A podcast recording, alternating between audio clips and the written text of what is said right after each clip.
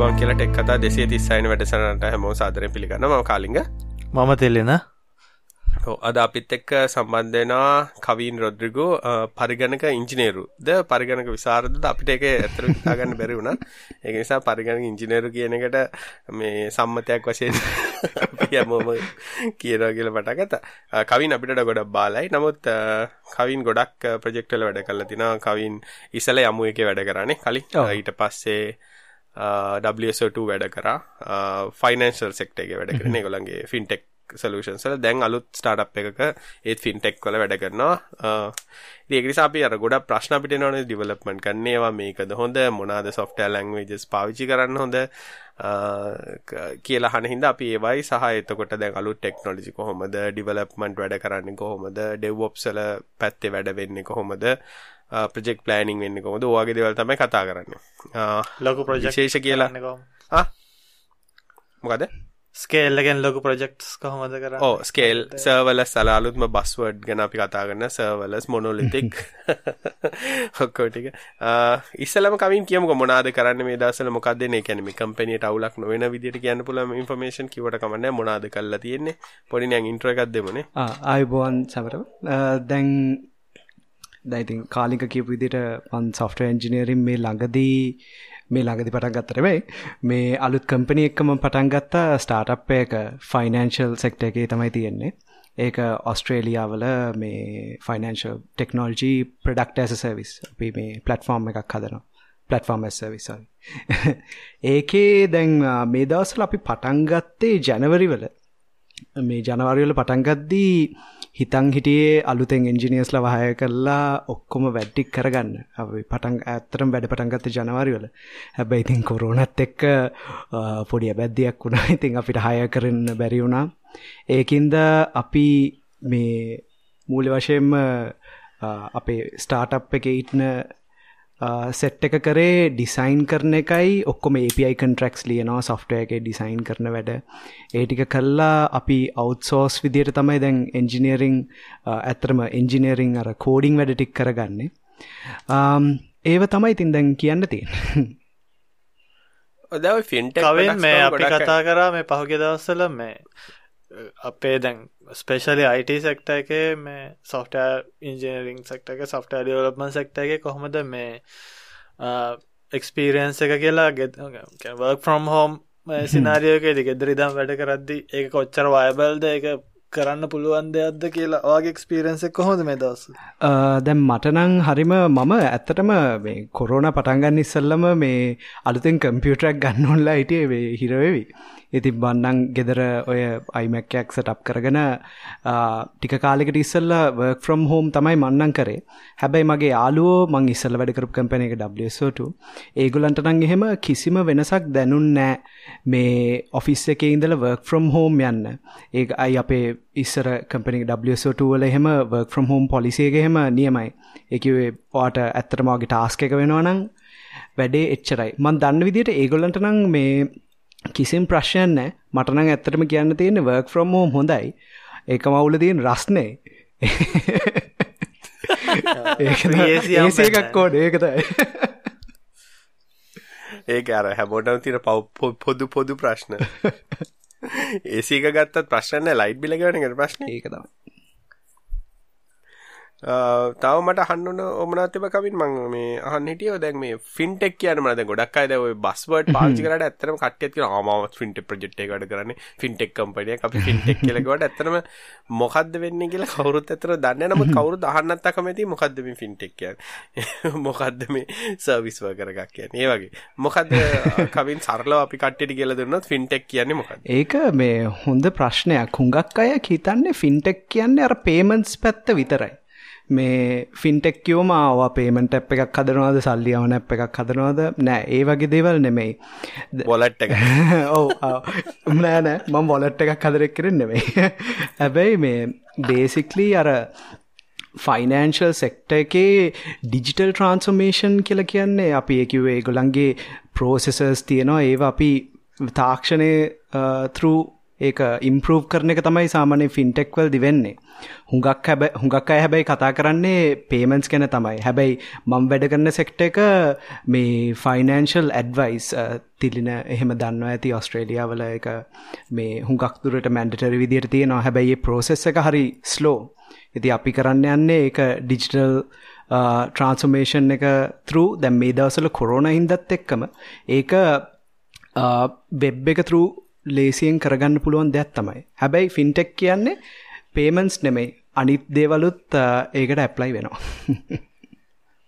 ඉන්ටෙට් බැංකරුත් නෙමයි internet බැංකිනුත් තමයි මං ඉස්සර කර ඉන්ට්‍රනෙට් බැංකි ඒක ඇත්තටම ඉස්සල්ලමං කරේ මේ PSD2 කියලා යුරෝපියන් යුනියන් එකේ තිබ්බා මේ පොඩි ඩිරෙක්ටිව් එකක්. ඒක කියලා තිබ්බේ යුරෝපියන් යුනියන් එක ඇතුලේ තියෙන හැම බැංකුවම්ම අතර මේ කතා කරන්න පුළුවන් වෙන්න ඕනේ. ඒකයි තව මේ තර්ඩ් පාටිසෙකව තව කම්පනීස් වලට ඒ APIs යස් කල්ලා කස්ටමර්ස් ලයිකව කන්සියමස්ලා දැම් බැංකුව කවන්් පාවිච්චි කරන අයගේ මේ ජීවිතය අර පොඩ්ඩක් ලේසි කරගන්න. කිව්වේ ඕට පුළුවන් ඇප් එකක් ලියන්න. ඔයාගේ බෑංක කවන්් හතරත් තියෙනවන ඒ හතර ඉන්ෆර්මේෂන් ඇග්‍රිගේට් කල්ල නිකං වා කොච්චර සල්ලි නාස්ති කරනවාද කොච්චර සල්ලි කන්න යනවාද ඒ වගේ ඇප් සදන්න වගේ ඒ පලටෆෝර්ම් එක හදන. ඒක ඇත්තට මේක නිකඟ පයිප්වක් එක හදන්න තම ඉස්සල්ල කරේ.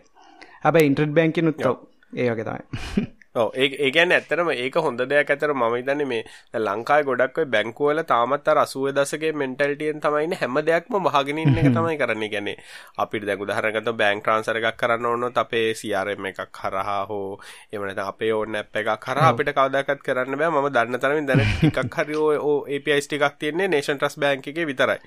හැබැයි මේ කැනෙක්තර මං එක මේ ප්‍රක්ටිකලි පාවිචි කල නෑ. ගැනෙක්ල් ප්‍රඩක්ෂන් එන්වර්මට නමුත් API ඩොක්කමෙන්ටේෂන් බලන්නට API ටිකෙන් බලන්නකට ඒක සාමාන්‍ය දුරකට ටිකක් ඉම්පලිමෙන්ටලා තියෙනවා. ඒක ඇත්තරමර නිතකරක මොබයිල් ඇප්පල වනත් ගොඩ ප්‍රශ්න උනේ මුල් කාලේ මයිදන් ප්‍රීමියන්න කාලේ මොබයිල් ඇප්පල්දීම ලොකුම් ප්‍රශ්න තමයි බොලට් එකට සල්ලි දාන්න කොහොමද? දැන් බොලට් තියෙනවා ඉස්සර ඊසි කෑෂ් තිබ්බා එම් කෑෂ් තිබ්බා.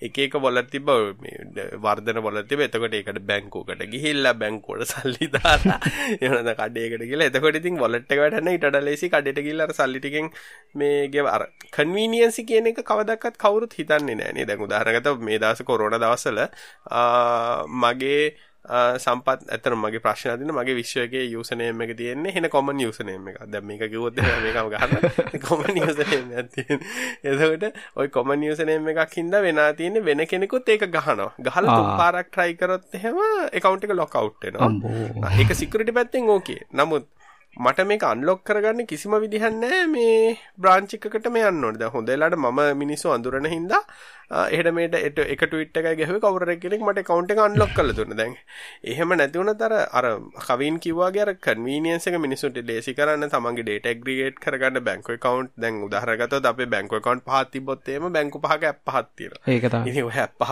open කරගෙන එන කරදරයක් නේ කියන්නේ financial management කරනවා කියන එක හරිම කරදරයක්. මොකද බැංකු බැංකු අතර සමහරවල්ලාට දැන් උදාහරණ ගත්තොත් අද මට මගේ දුවගේ ඉස්කෝලේ සල්ලි දාන්න මොනවද තිබ්බා.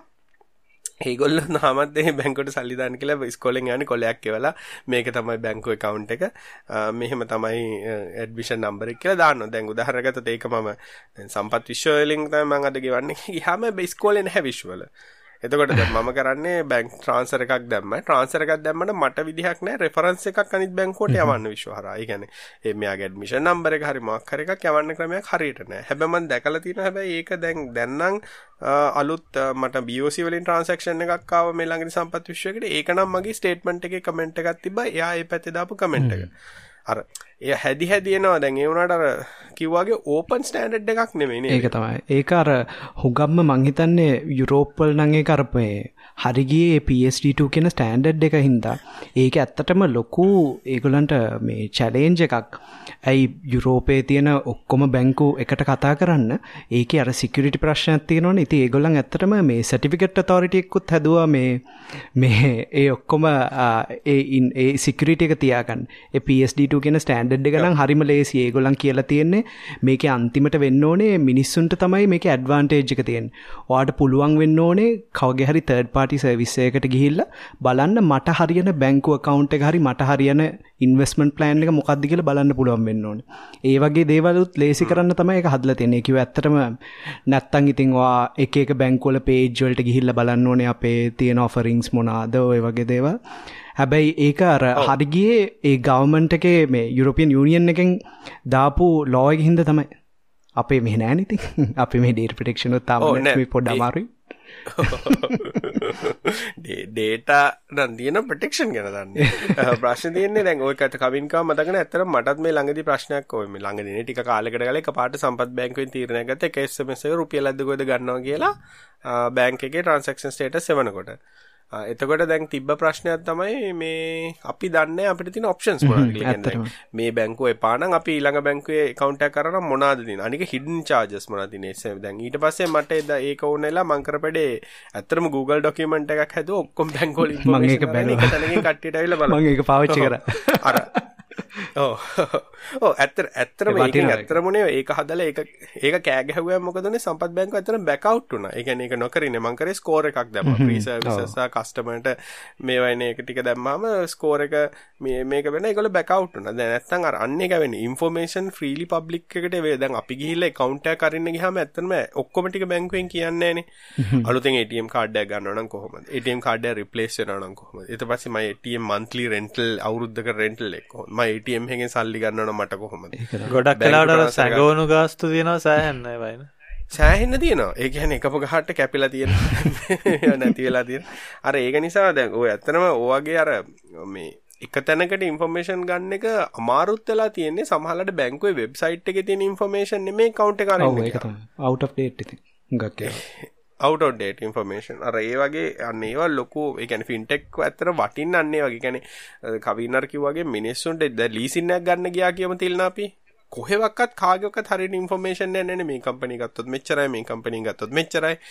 ඉන්ෂුරන්ස් වලත් ඒ ඉන්ෂුරන්ස් නා ෆයින් ෆින්ටෙක් නොවුනත් ඒ උනට ඒකත් ප්‍රොඩක්ට් එකක් විදිහට ඔය හැමෝගෙම ඔය ඔය data aggregation ප්‍රශ්න තියෙනවා ඒක නම්බේ මාර කරදරයක් කර ෆැක්ෂීට් PDF ඩවන්ලෝඩ් කර කර බලනවා දිනේ හරිද? ඊට පසෙති කියවන්න හැමෝගෙම වෙනස්න ෆැක්ෂීට්ටකෙන් ශීට්කට ඒවත් කියවල මාර්ගේමත් දෙන්න නිතින් මේ ඉන්ශෝරන්ස එකත් දාන්න හිතෙන්න. ඕ දැනික ඉන්ශෝරන්ස එක දාල ඔක්කොම කල් හරි කියල ගල්ල ගන්න ගයාට පසින් අස මේක දාලනෑ මේ අපි සියට පහක් කපන එහෙමන තියන්නේ. දවදාරගත ඔක්කොම හරි හරි ෆොල් ඉන්ශෝරන්ස්ථයි තියෙන්නේ කියලා අවුරුදු හතර වාහන පැන්නට පස්සේ ඒකොල සීර ගාන කපනවන. ඒවගේ ඒකට අලුත් පාට්ටක දැම බ්‍රෑනිිය පාට්ට දැම කපනු ඒ වගේටින් එක එක එක ඉන්ශෝරන්ස් ගත්තත් හැම එකම ගත්තට ප්‍රශ්න තියෙන අර මිනිසුන්ට ට්‍රන්ස්පේරන එක ඉන්ශෝරන්ස් අපිට කවටික වන්ටුවන් කම්පෑ කරන්න කොහොක්ක සයිට්ටන්න මෙහෙමයි මෙහෙමයි කියලා මේක මෙච්චනයි මේක මෙච්චරයි කියලා. අපි ආයි බැංකුසා ටෙක්නොලොජි වලට අපි සමාජයේ තියෙන ප්‍රශ්න වලින් ආයි ගිහිල්ලා. මොනාද මේ සර්වලස් කියන්නේ? හරි ප්‍රශ්නයක් හැමෝටම. හැබැයි හැමෝම හරි ආසයි. හැබැයි ඔයාගේ පහුගිය බොස් නම් අකමැති සංජීව. සර්වලස් මං ඒ කතාව නම් දන්නේ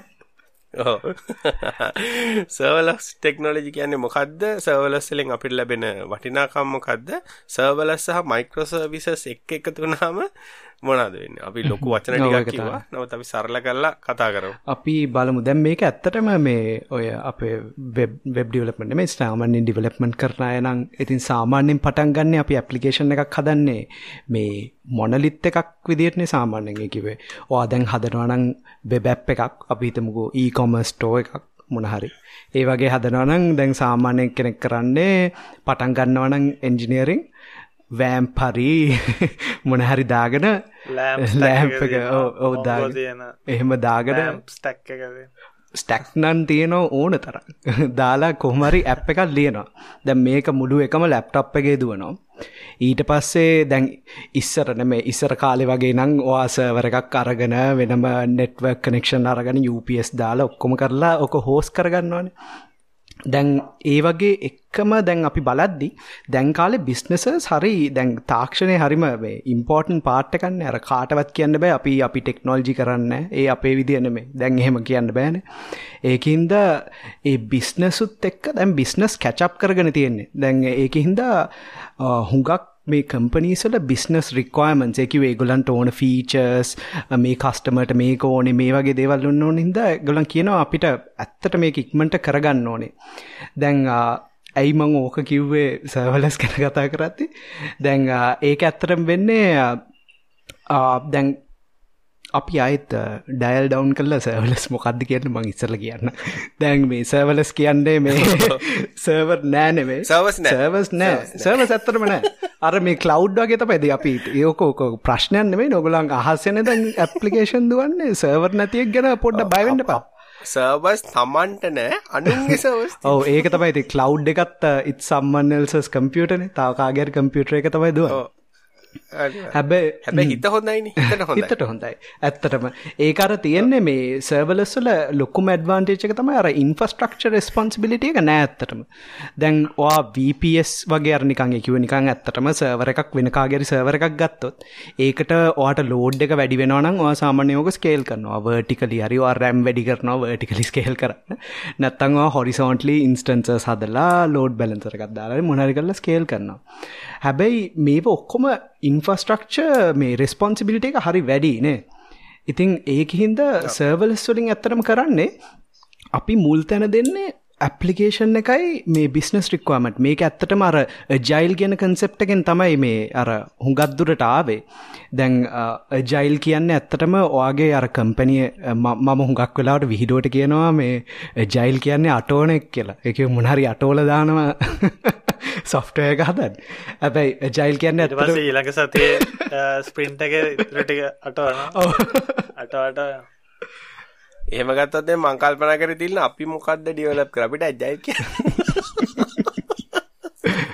හැබැයි වේ දැන් ජයිල්වල විදියට අර හුඟක් ඉක්මන්ට අර ඔයාගේ තියෙන එකවේ අර අයිඩිය එක කොහොමරි ඩිප්ලොයිමන්ට් එකට යන්න ඕනේ. ඒ වගේ දේවල් හින්දා අර සර්වර්ස් ගැන සර්වර්ස් ගැන මේ වොරී වෙන එකයි මේක ස්කේල් වෙයිද කියනව ගැන හිතන් නැතුව ඔයා අර ෆංෂන් කෝඩ් කෑල්ල විතරල් ලියනවා.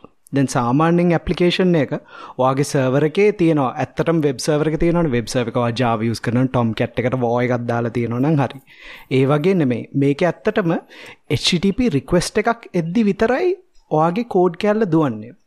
එතකොට ඔයා බිල් වෙන්නේ සර්වර් එක දුවන සෙකන්ඩ්ස් ගාන අනුව. ඇත්තටම මේ අර එකකිව අර ඔයා මොනවත් නිකන් ඉන්න වෙලාවට මේ බිල් වෙන්න. එතකොට ඔයා හිතුවොත් ඔක ස්කේලිං විදියට අපි බැලුවොත් ඒක ඇත්තටම එන්වයරන්මන්ට් එකටත් හොඳයි එහෙම හිතුවොත්. ඇයි දැන් අපි Amazon ලගේ වගේ හිතුවොත් Amazon ලගේ සර්වර්ස් ඒගොල්ලන් සෙට් කරලා තියෙන්නේ. අපිට ඕන වෙලාවට විතරක් ඒගොල්ලන් ඇලොකේට් කරලා අපේ කෝඩ් කැල්ල දුවනවා. හැබැයි ඕක පොඩ්ඩක් හිතන්න අමාරු යන්න මොනලිත් විදියට හිතනවනම්.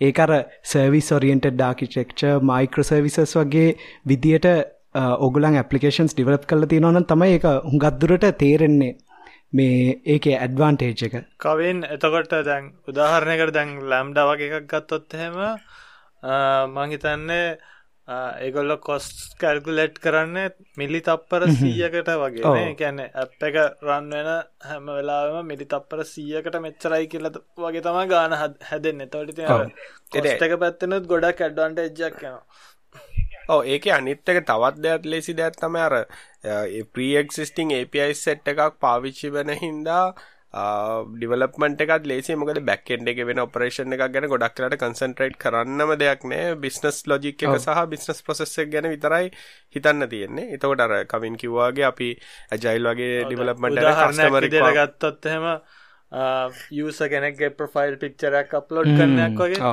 එතකොට ඒක ප්‍රොෆයිල් පික්ච එක අප්ලෝඩ් කරට පස්සේ එක කොහැරි සේව් කරන එක නැත්තන් ඉට පසේ එක රීසයිස් කල් හරි සයිස්යක් ගැන්න ගන්නක ඔක්කොම අපිට එච්චර හිතන්න දෙන්න ඒ වගේ වැඩවලට ගැන වෙන සර්විසස් ඕල්රඩි බිල්් සවිසස් පාවිච් කන්ලු ඒක ඉතින් අර ක්‍රම ගොඩකට කරන්න පුළුවන් දැන් ගොඩක් වෙලාට අර සර්වර්ලස් කියලා ගත්තාම අර එකම දේ දෙන්නේ දැන් අපි ඕකේ එකම ඩවුන්ෆෝල් එකක් වෙන අපිට ප්‍රොවයිඩර් මාරු කරන්න ඕනොත් එහෙම ලොකු ප්‍රශ්නයක් තියෙනවා දැන් උදාහරණයකට Amazon වලට අපි සර්වර්ලස් ඔක්කොම හදලා Amazon Lambda හරි මොන හරි පාවිච්චි කරලා අපිට හිතුනොත් එහෙම අපි නෑ අෂුව යනවා එහෙම නැත්නම් Google යනවා කියලා අපිට ලොකු ඉම්පැක්ට් එකක් තියෙනවා. එතකොට අර ඒක නම් පොඩ්ඩක්යි වෙනස් කරන්න නෑ. ඒක නම් ලොකු ප්‍රශ්නයක්. ලොකු ඉම්පැක්ට් එකක්ම නෑ.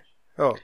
ඒක අරෙන්න ඒ කියන්නේ දැන් කවදා හරි Amazon ඉදෝනේ නෑ මම රුපියල් 5 ගත්ත එක 10ක් කරනවා හෙට කියලා. Dead. එන්න ඒක කාලිට මෙහෙමත් එකන ඕගේ සර්වලසල එක එකත් ඇඩ්වන්ටේජය තම අපිට කෑලි එකන අප එක එක පොඩිපොඩි කෑලි කෑලි අපිට ඕන තැනක වෙන වෙන එකක් අමසන් ලගේ තියන්න පුළුවන් නත්තා නිත්තක වෙනක හරි තියන්න පුල මොකද එක ගොඩේ නෙමේ ඔක්කොමට තමන්ගේ එකක් තමන්ගේ එකක් වෙන්නත් පුළුවන්. තමන්ගේ සමලට වෙන්නත් පුළුවන්. භාගයක් තමන්ගේ භාගයක් මෙහෙම. ඒකටයක් නෑ මෙහෙම ඒකල් අවශ්‍ය මොකරි කෑල්ලත් තියෙනවන බර වැඩි කෑල්ලත් තියෙනවන එකට ස්කේලිං ගැන සමහර වෙලාවට එකට ගොඩක් බරාදින්න ඔන්නන් ඒවගේවා අපිට ඕ දැව ඒයි ඒ අයිහෙම කරන්න අපිට පුළුවන් IBM ලගේ වොත්සන් එක කෑල්ල පාවිච්චි කරන්න. එහෙම නැත්නම් අපිට ස්පීච් රෙකග්නිෂන් මොන හරි කරන්න Google ලගේ පාවිච්චි කරන්න පුළුවන්. ඊට පස්සේ අපිට වෙන මොන හරි එකක් කරන්න අපිට Amazon Lambda පාවිච්චි කරන්න. කළා අපේ ඇප්ලිකේෂන් එතකොට අපිට තියෙන ෆ්ලෙක්සිබිලිටි එක සහ අර මේ ප්‍රොඩක්ෂන් එක එලියට එන්න යන ඒ කියන්නේ රික්වයර්මන්ට් ප්‍රොඩක්ෂන් කියන එක මාරම ෂෝට් ලයිෆ් ස්පෑන් නැතින මොකද අපිට අර විසඳන්න දෙයක් නැහැ. මේක කොහොමද දැන් මේ මේ ටෙක්ස්ට් ස්පීච් කන්වර්ෂන් එක කරන්න කරන්න කියන එක අපිට හිතන් දැන් අපිට කරන් තියෙන කෙලිම Google APIs ටික පාවිච්චි කරලා අපි කෙලිම එතකොට ඇත්තටම සර්වර් එකක් කියලා දෙයක් සහ අපිට බෑක් එන්ඩ් එකක් කියලා දෙයක් ඩිප්ලොයි කරන්න දෙයක් ඇත්තෙම නැහැ. නමුත් අපි PHP හරි Java හරි මොන හරි එකක් පාවිච්චි නැහැ. Java වලින් කරොත් නම් පුළුවන් මොකද magically ලියන හන්දට හන්දට යවුවනම් ප්‍රශ්න 5 million devices ආන කීයද? ඊට වැඩි. මේ අපි කවෙන් සාමාන්‍ය ජාව විරෝධිය මිනිස්සු එක මම මම මම දන්න ඔගල ජා විරෝධි කියලා. මාත් ඉස්සර මේ ඇත්තට මේ ජාව යස් කරේ මන හැබැයි මන් ඩබ්ලිය සොටු ලඩ කර දෙ ජාව තමයි කරේ. ඒකර ස්ටයිලිස් ලස්සඩයි මං එච්චරයි කියන්න කැමති නෑන ඒක හරි. ඒක මම ස්ටයිලිස් නියම ඇත්තනම කාටහරි ප්‍රඩක්් එකක් කාටර ඉක්මන්ට එලියට දාගන්න ඔන්නම් ලේසිය. මොකද හිතන්න තියෙන ප්‍රමාණය හරි අඩු මේක වැඩ කරයිද? මේක කම්පිටිවිලිටි දීද ඒක හිතන්න දෙකුන්න අනික කෝඩ් එකත් කියවන කෙනෙට ලේසින් කියවල තේරුම් ගන්නත් ලෙසිමක දර එච්චර සිම්පලස් සිම්පලි හින්දා. නමුත් අර දැන් ඩ්ලට උනත් ඇතනු බැලරින පට හදන්න ගත්තේ එක හේතුවත් තමයි ටයිම් එක එක්සිකෂන් ටයිම් එක අඩු කරගන්න බැරි එක මම වැරදිනම් හදන්න කවින්. එක්සිකෂන් ටයිම් එක වැඩි කරගන්න බැරි එක රිසෝසස් වැඩිපුර යන එක ඊට පස්සේ ස්කේල් කරන්න තියෙන ප්‍රශ්න ඉද තමයි මම හිතන්නේ බැලරීන මොකද බැලරීනගේ අල්ටිමට් ගෝල් එක තියෙන්නේ නේටිව් කෝඩ් එකකට කම්පයිල් වෙනවා කියලා. ඒක අර බැලරීන ඒගොල්ලන් අර හුඟක් දැන් ඒ කම්පැනි එක ඉන්ටග්‍රේෂන් ෆෝකස් නේ. ඒගොල්ලන්ට අර ප්‍රශ්න තිබ්බේ හැමෝම EI එහෙම කිව්වේ එන්ටර්ප්‍රයිස් ඉන්ටග්‍රේටර් එකෙන් පාවිච්චි කරද්දී ඇත්තටම ඔයාට අර ඉන්ටග්‍රේටර් එකෙන් ඇත්තටම කරන්නේ වාගේ අලුත් අලුත් වෙබ් එකේ තියෙන දෙයක් වගේ පරණ සොෆ්ට්වෙයාර් කෑල්ලක් හරි පරණ හાર્ඩ්වෙයාර් එකට ලින්ක් කරන එක තමයි එකෙන් කරන්නේ. හැබැයි ඒ ඔක්කොම XML වලින් ලියන්නේ ස්කේල් වෙන්නේ මෙමරි ලීක්ස් තියෙනවා. ඒගේ හුඟක් ප්‍රශ් තියෙන හින්දා ඒ බැල්රීනවලින් කරේ ඉන්ටග්‍රේෂන් ජාවල එහෙම ප්‍රශ්නනෑ එහෙම ප්‍රශ්නය නෑන ඇබැයි මේ හැබයි දැම් බැල්රීනල තාම තියෙන ජේ බැල්රීන කියන වර්ෂණ එක. කිව ජාවල තමයි බැල්රීන එක්සිකටන් හැබැයි කොළම් මේ එල්ල්වම්බලට පෝට් කරන්න බලනවා සීවල මාරුවෙනවානේ ඕ හැබැයි මමත් මේ මුල් කාලන පොඩක් එහෙමෙන් එක එක අටෝල කරලා බැලුවා. මාර ලේසි හැබැයි මොකද ඉන්ඩ API සේම ඩිප්ලොයි කරන්න ඒ වගේ දේවල් කරනවා. නිකන් හිතන්නත් දෙයක් නැති ලෙවල් එකටම හදලා තියෙනවා. ඔව් අර මේ ඉන්ටග්‍රේෂන් සිනාරියෝ එකක් දෙනවා හරිම ලේසි API endpoint එකකින් message queue එකකට හරි බස් එකකට දාන වැඩෙන් සාමාන්‍යයෙන් තියෙන්නේ ඉතින් ඕවට හැන්ඩල් කරන්න වොලියම් හැන්ඩලින් කරන්න. මම හිතන්නේ ඒක ස්කේල් කරන්න හිතලා දැන් ගොඩක් වෙලාට API වලත් තියෙන ප්‍රශ්නේ ස්කේල් කරන්න ගියාම හරි අමාරුනේ. මොකද API කොච්චර කරන් අන්තිම මොනොලිත් මොන හරි එකක තමයි දුවන්නේ. එතකොට ඕවා හැන්ඩල් කරන්න එක්ක ලෝඩ් බැලන්සස් දාන්න වෙනවා. ඒ වගේ ලොකු ලොක්කෝ එහෙම නැත්නම් ඊට ඉස්සරහට API මැනේජර් එකක් දාගන්න වෙනවා කිව් හැන්ඩල් කරන්න වෙනවා. ඒ ටික ඔක්කොම අරගේ හිතලා හදලා තිබ්බා කියලා තමයි තේරුනේ. මං මනම් මහිතන පාචි කන දවසල වර්ෂන් දෙකයිද ල තිබ දැන්න ඉට ගොඩක් කම්පලෙක්ස් දැන් අර අපි ආයත් සර්වලස්වලටෙමු සර්වලස්වල අර කාලිග හොඳ කතාක්කයෝ මේ මේ අර ලොකින් වෙන්න පුළුවන් කියලා කිවේ ඊකොසිස්ටම් එකට. ඒක මේ ඇත්ත කන්සර්න් එකක්. දැන් අපි යස් කරන්නේ මයිකෝසෝ් ඇජුවලගේ සර්වලස් එක. ඒක එහෙම ඒක හරි ෆීචරිච් කියන්නේ ඒක අර සර්වර් සොෆ්ටය එක ලියන විදිත් පොඩ්ඩක් වෙනස් කරගන්න පුළුවන්. ඒක ඒක තියෙන ඩියරබල් ෆංශන්ස් කියල. ඒකව ඇත්තටම ස්ටේට් එකක් ඉන්ජෙක් කරන්න පුළුවන් නැත්තන් වාට කියන්න පුළුවන් මේ කෝඩ් කෑල්ල හිට්ටුනාට පස්සේ ඔයා තව ෆංශන් එකක් ෆෑන් අවට් කරන්න. ඒකිවේ දහයක් විතර රන් කරලා ආය ජොයින් කල්ලේක රෙස්පොන්සෙක් ගන්න. ඒ වගේ හුඟක් ඔකෙස්ට්‍රේෂන් වැඩ පුළුවන්. ඒකර ඉන්ටග්‍රේෂන් කරන එක්නෙට හුඟත් තේරුමත් තියෙනවා. එකවේ වාට මොනහරි වොයිස් පෝසිසිං පලටෆෝර්ම් එකත් තියෙනවා මේ වගේ තමයි අර හොඳටම තේරෙන්නේ. දැන් කවුරරි අයිෝට වලින් සද්‍යයක් කාපු ගමන් මේ ඒක රෙකඩ්නයිසලා කවුරරි කඩාගෙනනවාද නැත්තම් මේනිකං ෆෝල්ස් පොස්ටිප් දැන්ගේ සද්දෙනවා API ගේට් එකට. API ගේට් එකට ඇවිල්ලා දැන් අර ෆන්ක්ෂන් එක හිට් වෙනවා. අර ෆන්ක්ෂන් එක හිට් වුණාම ඔයාට කියන්න පුළුවන් මේ සද්දේ හතරට කඩලා දැන් කිව්වේ හිස්තැන් ටික ගලවලා මට තව ෆන්ක්ෂන් හතරක් කඩලා ඒකේ දුවලා ඒකේ අවුට්පුට් එක මට දෙන්න. දැන් ඇත්තට මේක හිතුවොත් අර මොනලිත් විදියට හැදුවොත් ඕක ස්කේල් කරන්න මාර අමාරුයිනේ. දැන් IoT devices කියන්නේ සාමාන්‍ය ලොකු deployment එකක් ඔය ලක්ෂ ගණන් හරි devices තියෙනවා. ඕක තප්පර ගානට මාර විදියට analytics එවනවා. දැන් ඒ වගේ දෙයක් බැලුවම දැන් මේ සර්වර්ලස් ප්ලැට්ෆෝම්ස් වල වුණත් අර ඕ සමහර වෙලාවට දැන් Azure වල එහෙම ඔයා එන්ටර්ප්‍රයිස් යද්දී කියන්න ඕනේ මම සර්වර් එකක් ගන්නවා. ඒ සර්වර් එකේ තමයි සර්වර්ලස් දුවන්නේ. ඒකින්ද ඔයාට එක ලොකු සර්වලස් එක ලොකු සර්වර එකක් ගන්න පුළා සරි ඊට පස්සේ ඔයාට අර ඔයාගේ ඔක්කොම ෆංශන් එක වාට IoT ප්‍රඩක්් දහයක් විතර තියෙනවන් ලයිට් තියෙනනම් ඕඩියෝ සෙන්සර්ස් කැමරාස් ඒ ඔක්කොම අර මේ යුසේජ් එක අනුව ඩයිනමික්ලි ඇලොකේට් වෙන්නේ. එතකොට ඇත්තටම කොස්ට් එක අඩුයි. නැත්තං වා සර්වර් විස්සක් විතර ගහනවා මේක ලයිට් එකොන් මේක ලයිට් ඔන් කරන්න මේක ඕඩියෝ ප්‍රොසෙස් කරන්න මේක කැමරගේ මිනිහෙක් ඉන්නවාද කියලා බලන්න ඔහොම කරන්න ගියොත් හොඳ බිලක් එනවනේ. ඔව් ඒක ඇත්ත. ඒක හරි. මේ මොකද ගොඩක් කලට සර්වර්ලස් ආවේ මේ පාර මේ බිල් පර්සකන් බිලිං ආවට පස්සේ තමයි උනේ. ඒ කියන්නේ ඉස්සර උනේ දැන් ඉස්සර උනේ තමන් හාසර්වර් එකක් ගත්තා. ඒක බෑ මෙටල් එකක් වෙන්න පුළුවන්, වර්චුවල් සර්වර් එකක් වෙන්න පුළුවන්, මාකර් එකක් ගත්තට පස්සේ ඒ රිසෝසස් ටික ගොඩක් වෙලාට අයිඩල්. ඒ කියන්නේ අයිඩල් කියලා කියන්නේ තමන් පාවිච්චි කරත අයිඩල් තියෙනවා. පාවිච්චි කරපෙලාට පාවිච්චි කරා. හැබැයි මාසේ බිල එකමයි. සමහරලට මදි වෙන වෙලාවලුත් තියෙන. කියන්නේ පාවිච්චි කරන මදි වෙන කරන්න නැහැ.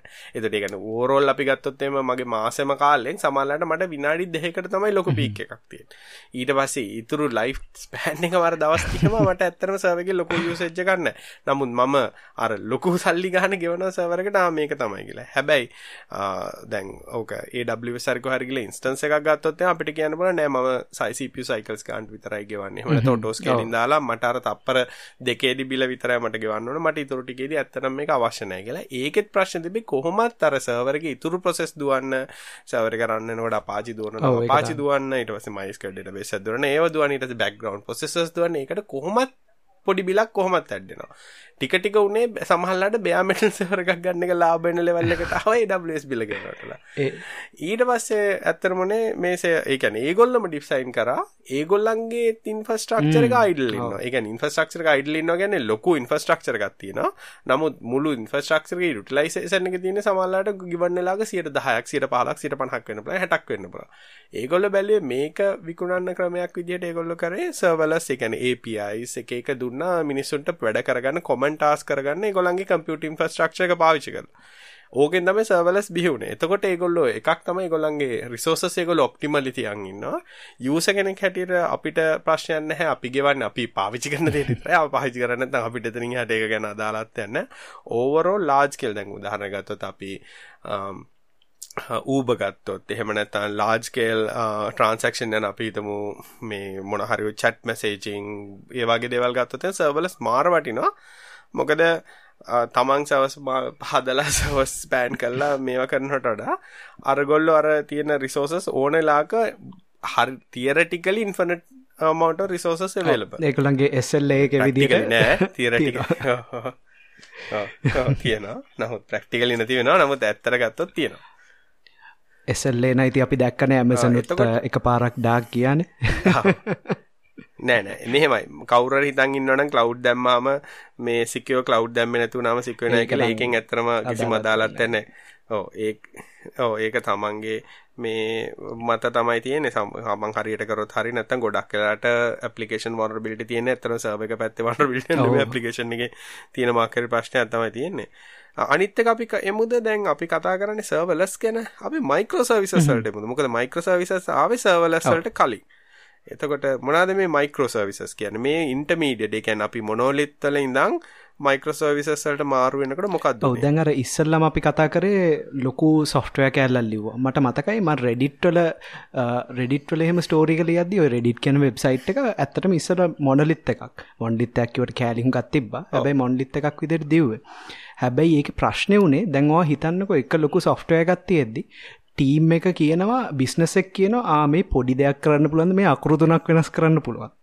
දැන් ඔය අකුරු තුන වෙනස් කරලා දැන් හුඟත් ටෙක්නෝජි කම්පනීස්වල ෆුල් ටෙස්ටිං ෆ්ලෝ තියෙනවානේ. ඒ ටෙස්ට් මුළු ටෙස්ට් එකම කරන්න ඒ ඔක්කොම කරනවා. හුඟක් වෙලාට මොනලිත්ත කරන්න අකුරු තුනම් වෙනස් කරොත් වෙන කොහෙවත් නැති තැනක දෙයක් කැඩෙනවා. සාමාන්‍ය ඒක ගැන අප විෂය කමල් කියලක් කෙන කෙන හොදරද හදන්න එක කැඩෙන තව ඒ වගේ ප්‍රශ්න හුඟත් තියෙන හින්ද ඒක ඇත්තටම අර අර බිස්නස් එකට ඕන ඩිමාන්් එකට වාට වගේ පලට්ෆෝර්ම් එක ඉම්පරූ කරන්න බෑ. ඉතින් මේගොල්ලන් ඇත්තටම බැලුවා මේ ඩිසයින් කරන විදි අපි පොඩ්ඩ වෙනස් කරන්න ඕනේ සොෆ්ටය ඒක අර හුඟක් මේන්ඩි බැලුව ගැන ගොඩක් කලාවට අර ඩිප්ලොයිමන්ට එකත් දානවා කියන්න හැනට නිකං ඒක වෙනමම නිකං දවල් සතක් කන්න නැතු ඉඳල ඒවගේ සින්න ඕක ඕක සරල උත්තරයක් ගන්න ඉඳල දවසටක් ඕ ටකස් එක දුවන්නේ මොනොලිත් රයි තනිකර හැබැයි ලෝඩ් බැලන්ස් කල්ලා තියෙන්නේ රයි ඒක කරන්න හේතුත ඒක වෙන කරන්න අපිට ඔප්ෂන් නෑ දුවන්න මෙතෙන්ටෝ යකා වැඳගත්තා වගේ තමයි.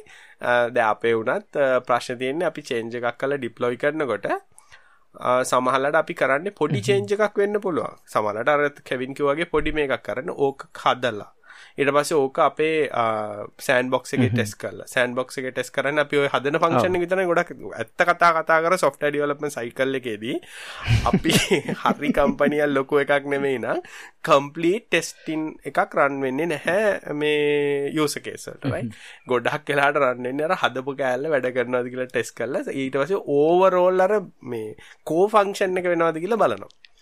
හරි ඔක්කොම හොඳයි. හරි වැඩ කරා ඊට පස්සේ පුෂ් කරනවා නෝඩ් එකකට නෝඩ් එකට පුෂ් කරලා ඒකෙන් අනිත් නෝඩ් වලට පුෂ් කරලා ඔන්න දැන් කොහමද ඩිප්ලොයි වුණා කියමු. සමහර අපි තුන් JavaScript එක පොඩි ලයින් එකක් චේන්ජ් කරේ කියලා. දැන් ওই චේන්ජ් එක කරාට පස්සේ ওই චේන්ජ් එකේ ඉෆෙක්ට් එන්නත් යම් කිසි කාලයක් යනවනේ වෙබ් එකේ දැන් ඒ කියන්නේ යූසර් කෑෂින් තියෙනවා ඊට පස්සේ අපේ එජ් එකේ කෑෂින් තියෙනවා CDN වල කෑෂින් තියෙනවා ඊට පස්සේ මැෂි ඒ කියන්නේ අපේ නෝඩ් වල කෑෂින් තියෙනවා වගේ කෑෂින් හැමතැනම තියෙනවා සමහරලාට දැන් අපිට එහෙම වෙලා තිනවා අපි බ්‍රාස්පති නිතර චේන්ජ් එකක් කරනවා ඔක්කොම රයිට් එලගිරි අන්න ඉරිදහවසට සැටඩේට එනවා ප්‍රශ්න. අපි මේක රෑකක් පයින්නවන මෙතන මෙහෙම වෙනවනි කියලා බලට අර ප්‍රාස දෙන්න කරපු එක තමයි පත් වෙලා තින්න සිකරා. ඔය ප්‍රශ්නයට විසඳුවක් ඉදියට තමයි ඇත්තටම මේ මයික්‍රෝසර්විස ඇවිලතින ඒක වෙන්නේ මුළු ප්‍රඩක්් එකක කොටස් චූටි චූටියට තියෙන ගැන පොඩි පොඩි පොඩි පොඩි කෑලි. ඒ කෑලි අතර තමයි කතා භාවෙන්න මහිතන්න අපි මේ කවෙන්ට අර රෙඩිට් කතාව කියන්න දුන්න. සිරාට සිරහ අයෝ නෑ අර රෙඩිට් කතාවත් මේ ඒකේ ඒක හුඟක් චලෙන්ජස් තියෙන ඇතර මේක අප්පෝට් කරනර ලොකු කම්පලෙක් සිිස්ටම් එකක් ඇතරම හැබැයි බේසික් දෙයක් බැලොත් දැන් ඔය කාලිංග කියපු විදිට ඔය වෙනසක් කරාම හුඟක් කලාට වෙන තැන්වල ඉෆෙක්ස් තියෙනවා. ඒකයි මුළු ඩිවලප්මන් ටීම් එකයි ටෙස්ටින් ටීම් එකයි ඊට පස්සේ ඔයාගේ ඉන්ටග්‍රේෂන් ටෙස් මේ ඔය ඩිප්ලොයි කරන අය ඔක්කොමල නික හිරවෙනවන රිලිස එකක් කර දෙය කියනවනි සිකුරාද රිලිස්ථාන්න එපා. ඔය වගේ කතා තියෙනවා නැත දවන්ටයිම් ඇත්තනට සෙබ්සයි ඒ වගේ ද ප්‍රශ්ද මා සිකුරාදට යනකොටම ගැන මොකද මුකුත් කරන්න එපා මුකුත් ද ඒ වගේ ප්‍රශ්න හින්දා ඒකර සොෆ්ටය එක ඇත්තට හදද්දි වා හදන තැනම පටන්ගද්දි තැනම වගේම නැත්තංවා වෙනස් කරනවා නං බලලා. ඒකිවේ වා ඩොමේන් රිවන්නවා බලනවා මොනාද ඇත්තට මට කඩන්න පුළුවන්. ඒකිවේ තේරුමක් ඇතුව මේ සොෆ්ටය එක කොච්චර කෑලිවලට කඩන්න පුළුවන්ද? එතකොට ඒක හුඟක් ඇඩ්වාන්ටේජස් තියෙනවා. ඒ පොඩි කඩන කෑල්ල පොඩි ටීම් එකට මැනේජ් කරන්න පුළුවන්. ඒක හරි පොඩි කෝඩ් බේස් එකක්. ඒගුලන්ට ඒක අර API දැන් දැන් කාලේ ඔක්කොම මයික්‍රෝසර්විසස් දුවන්නේ API හරි නැත්නම් gRPC හරි මොනවාන්නේ ඒ කන්ට්‍රැක්ට් එක විතරයි මේන්ටේන් කරන්න තියෙන්නේ. ඒ කිව්වේ අපි ඩිසයින ලියනවා API කන්ට්‍රක්ට් එකක්. ඒක ඒක සාමනෙන් කියන්නේ මම මේ ලියන සොෆ්ටවෑ කෑල්ල මොන වගේද හැසිරෙන්න කියලා. මොනාද වාට මගෙන් ගන්න පුළුවන් මේ වැඩ කියලා තමයි ඒ කන්ට්‍රක්ට් එක කියන්න. එතකොට අනිත් හැමෝ මේ කන්ට්‍රක්ට් එක විතරයි බන්න. ඒගොලන්ට සෝස් කෝඩ් එක වැඩන්න ඒකහින්දා මේ ඊට පස්සේ ටෙස් කරන්න ඕනේ ඉන්ටග්‍රේෂන් ටෙස් කරන්න ඕනේ. හැබැයි ටෙස්ටිං හරි ලේසි. එතකොට වාට මේජ රිලිස් කිවේ අර ලොකු රිලිස් සයිකල්ල ගන්න ඇයි වා රිලිස් කරන්න මේ තමයි අපේ පලට්ෆෝර්ම් එකේ වර්ෂන් වන් නෙමේ එකක් වර්ෂන් 1 එකක් වර්ෂන් 24 ඒ වගේ ඒ පොඩිපොඩි කෑලි ඩිප්ලොයි වෙලා එකතු වෙන එක තමයි වගේ ප්‍රඩක්් එක. ඒකින්ද ඒකේ හරි ලොකු ඇඩ්වාන්ටේජ් එකක් තියෙනවා. අනිත් එක තමයි මොනලිත් එකක් ස්කේල් කරන්න අමාරුයි. දැන් ඔයාට ඇත්තටම ප්‍රශ්න තියෙන්නේ ඔයාගේ ඕඩ ප්‍රෝසෙස් කරන සිිස්ටම් එක නම් ඔයා මුළු සෝ මුළු සොෆ්ටයකම මේජ් ප්‍රෝසිනුයි ඔක්කොම ස්කේල් කල්ල ඩන්න නවා රැම් ගොඩක් ගහලා තව මැසින් හතරක් ගහලා. දැම් මයික්‍රසවිස්ස කන්නම් ඔට ඒ කෑල්ල විතරක් කියන්න පුළුවන් ආතාව මැසින් හතරක මේක දුවලා ලෝඩ් බැලන්ස් කරන්න කියලා. ඒ වගේ ඇඩ්වාන්ටේජස් තියෙනවා. ඒකත් ඒකත් මේ ජයිල් මෙතඩොල්ජයකින් ආපු දෙයක් තමයි මයික්‍රසවිසස් කියන ඕක ඕකිවා මතක්කුට මේ අර මේ වර්ෂන් ගැන කතා කර. අපේ ග්‍රෆික් ඩිසයින කෙනෙකිට යා සාමාන්‍යෙන් අපිට ග්‍රෆික් චේන්ජක් කරට වස්සන්නේ final final one final final one final final final ඒකද මාත් මේ අපේ අපේ ඩොමේන් ටීම් එක අයට නිකක් වෙන වැඩ කරනයට සිමහන්ටික් වර්ෂණින් කියදන්න කිය මේමයි වර්ෂන් කරන්න කියලා ෆයිල්ල එක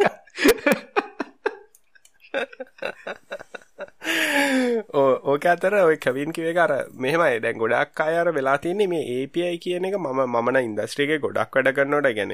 ගොඩක් අඇත කතා කරනවට තේරෙන් හැ API සවශ්‍ය වෙන්නේ.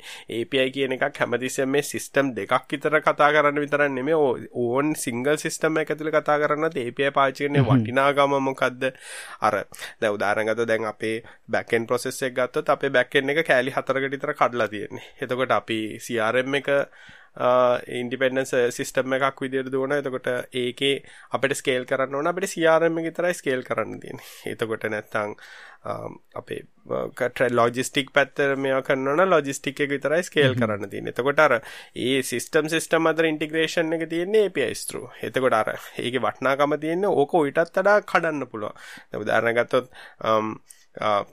අපි තමු CRM එක ඇතුලේ ඇප්ලිකේෂන් එක ඇතුලේ තියෙනවා Facebook මැසේජිනුයි එහෙම නැත්නම් WhatsApp මැසේජින් මොන හරි මැසේජින් වෙනද. ඕවා ඕන්නම් පුළුවන් මොකද ඕවට ගොඩක් රික්වෙස්ට් අපි තමු මැසේජ් 100ක් 200ක් එනවා. එතකොට වැඩ කරන අපි තමු වැඩ කරන අය 100ක් 200ක් ඉඳලා chat කරනවා ගොඩක් අය. එතකොට මේකට රිසෝසස් ඕනේ මිසක් නමුත් ඇත්තටම CRM එක ලෝඩ් කරනකොට CRM එක අනිත් ෆන්ක්ෂන් වලට ඇත්තටම රිසෝසස් අවශ්‍ය නැහැනේ.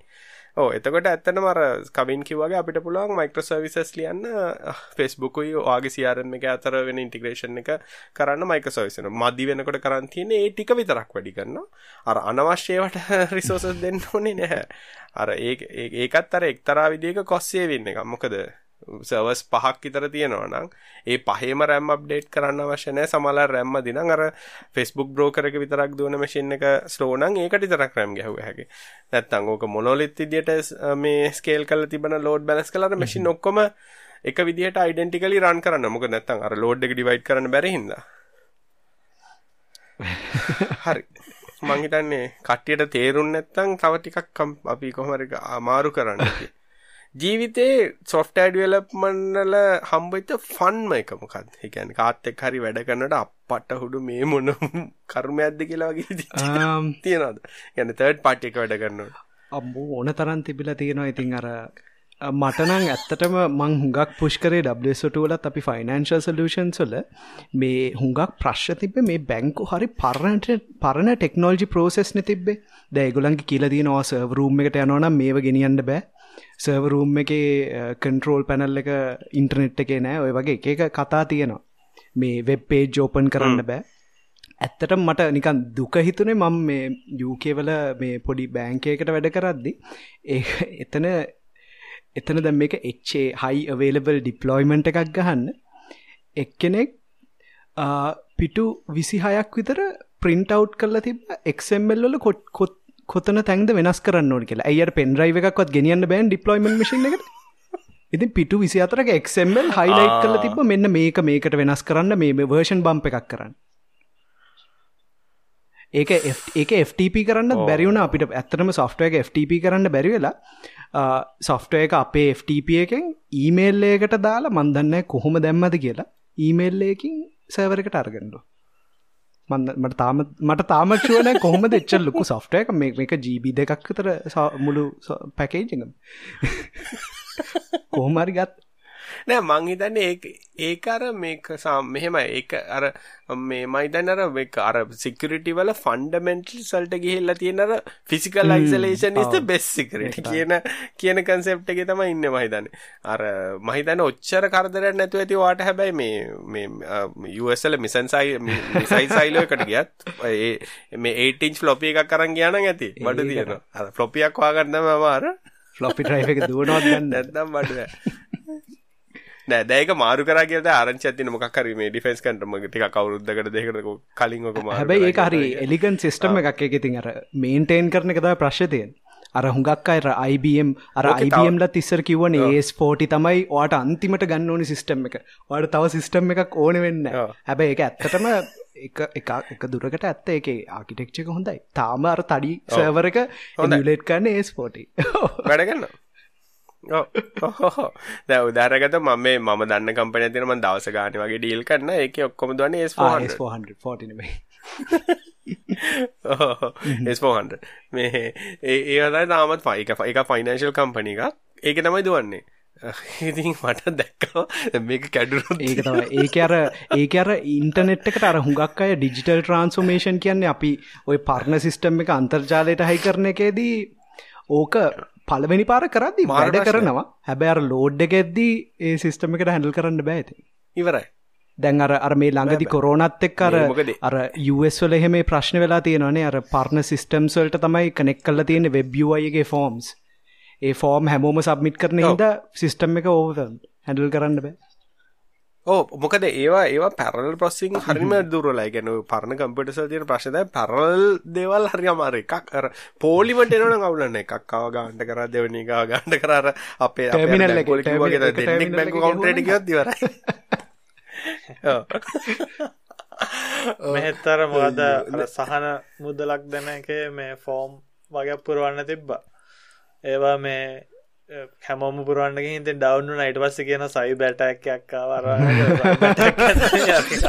මිනිස්සුවට එකත සයිබ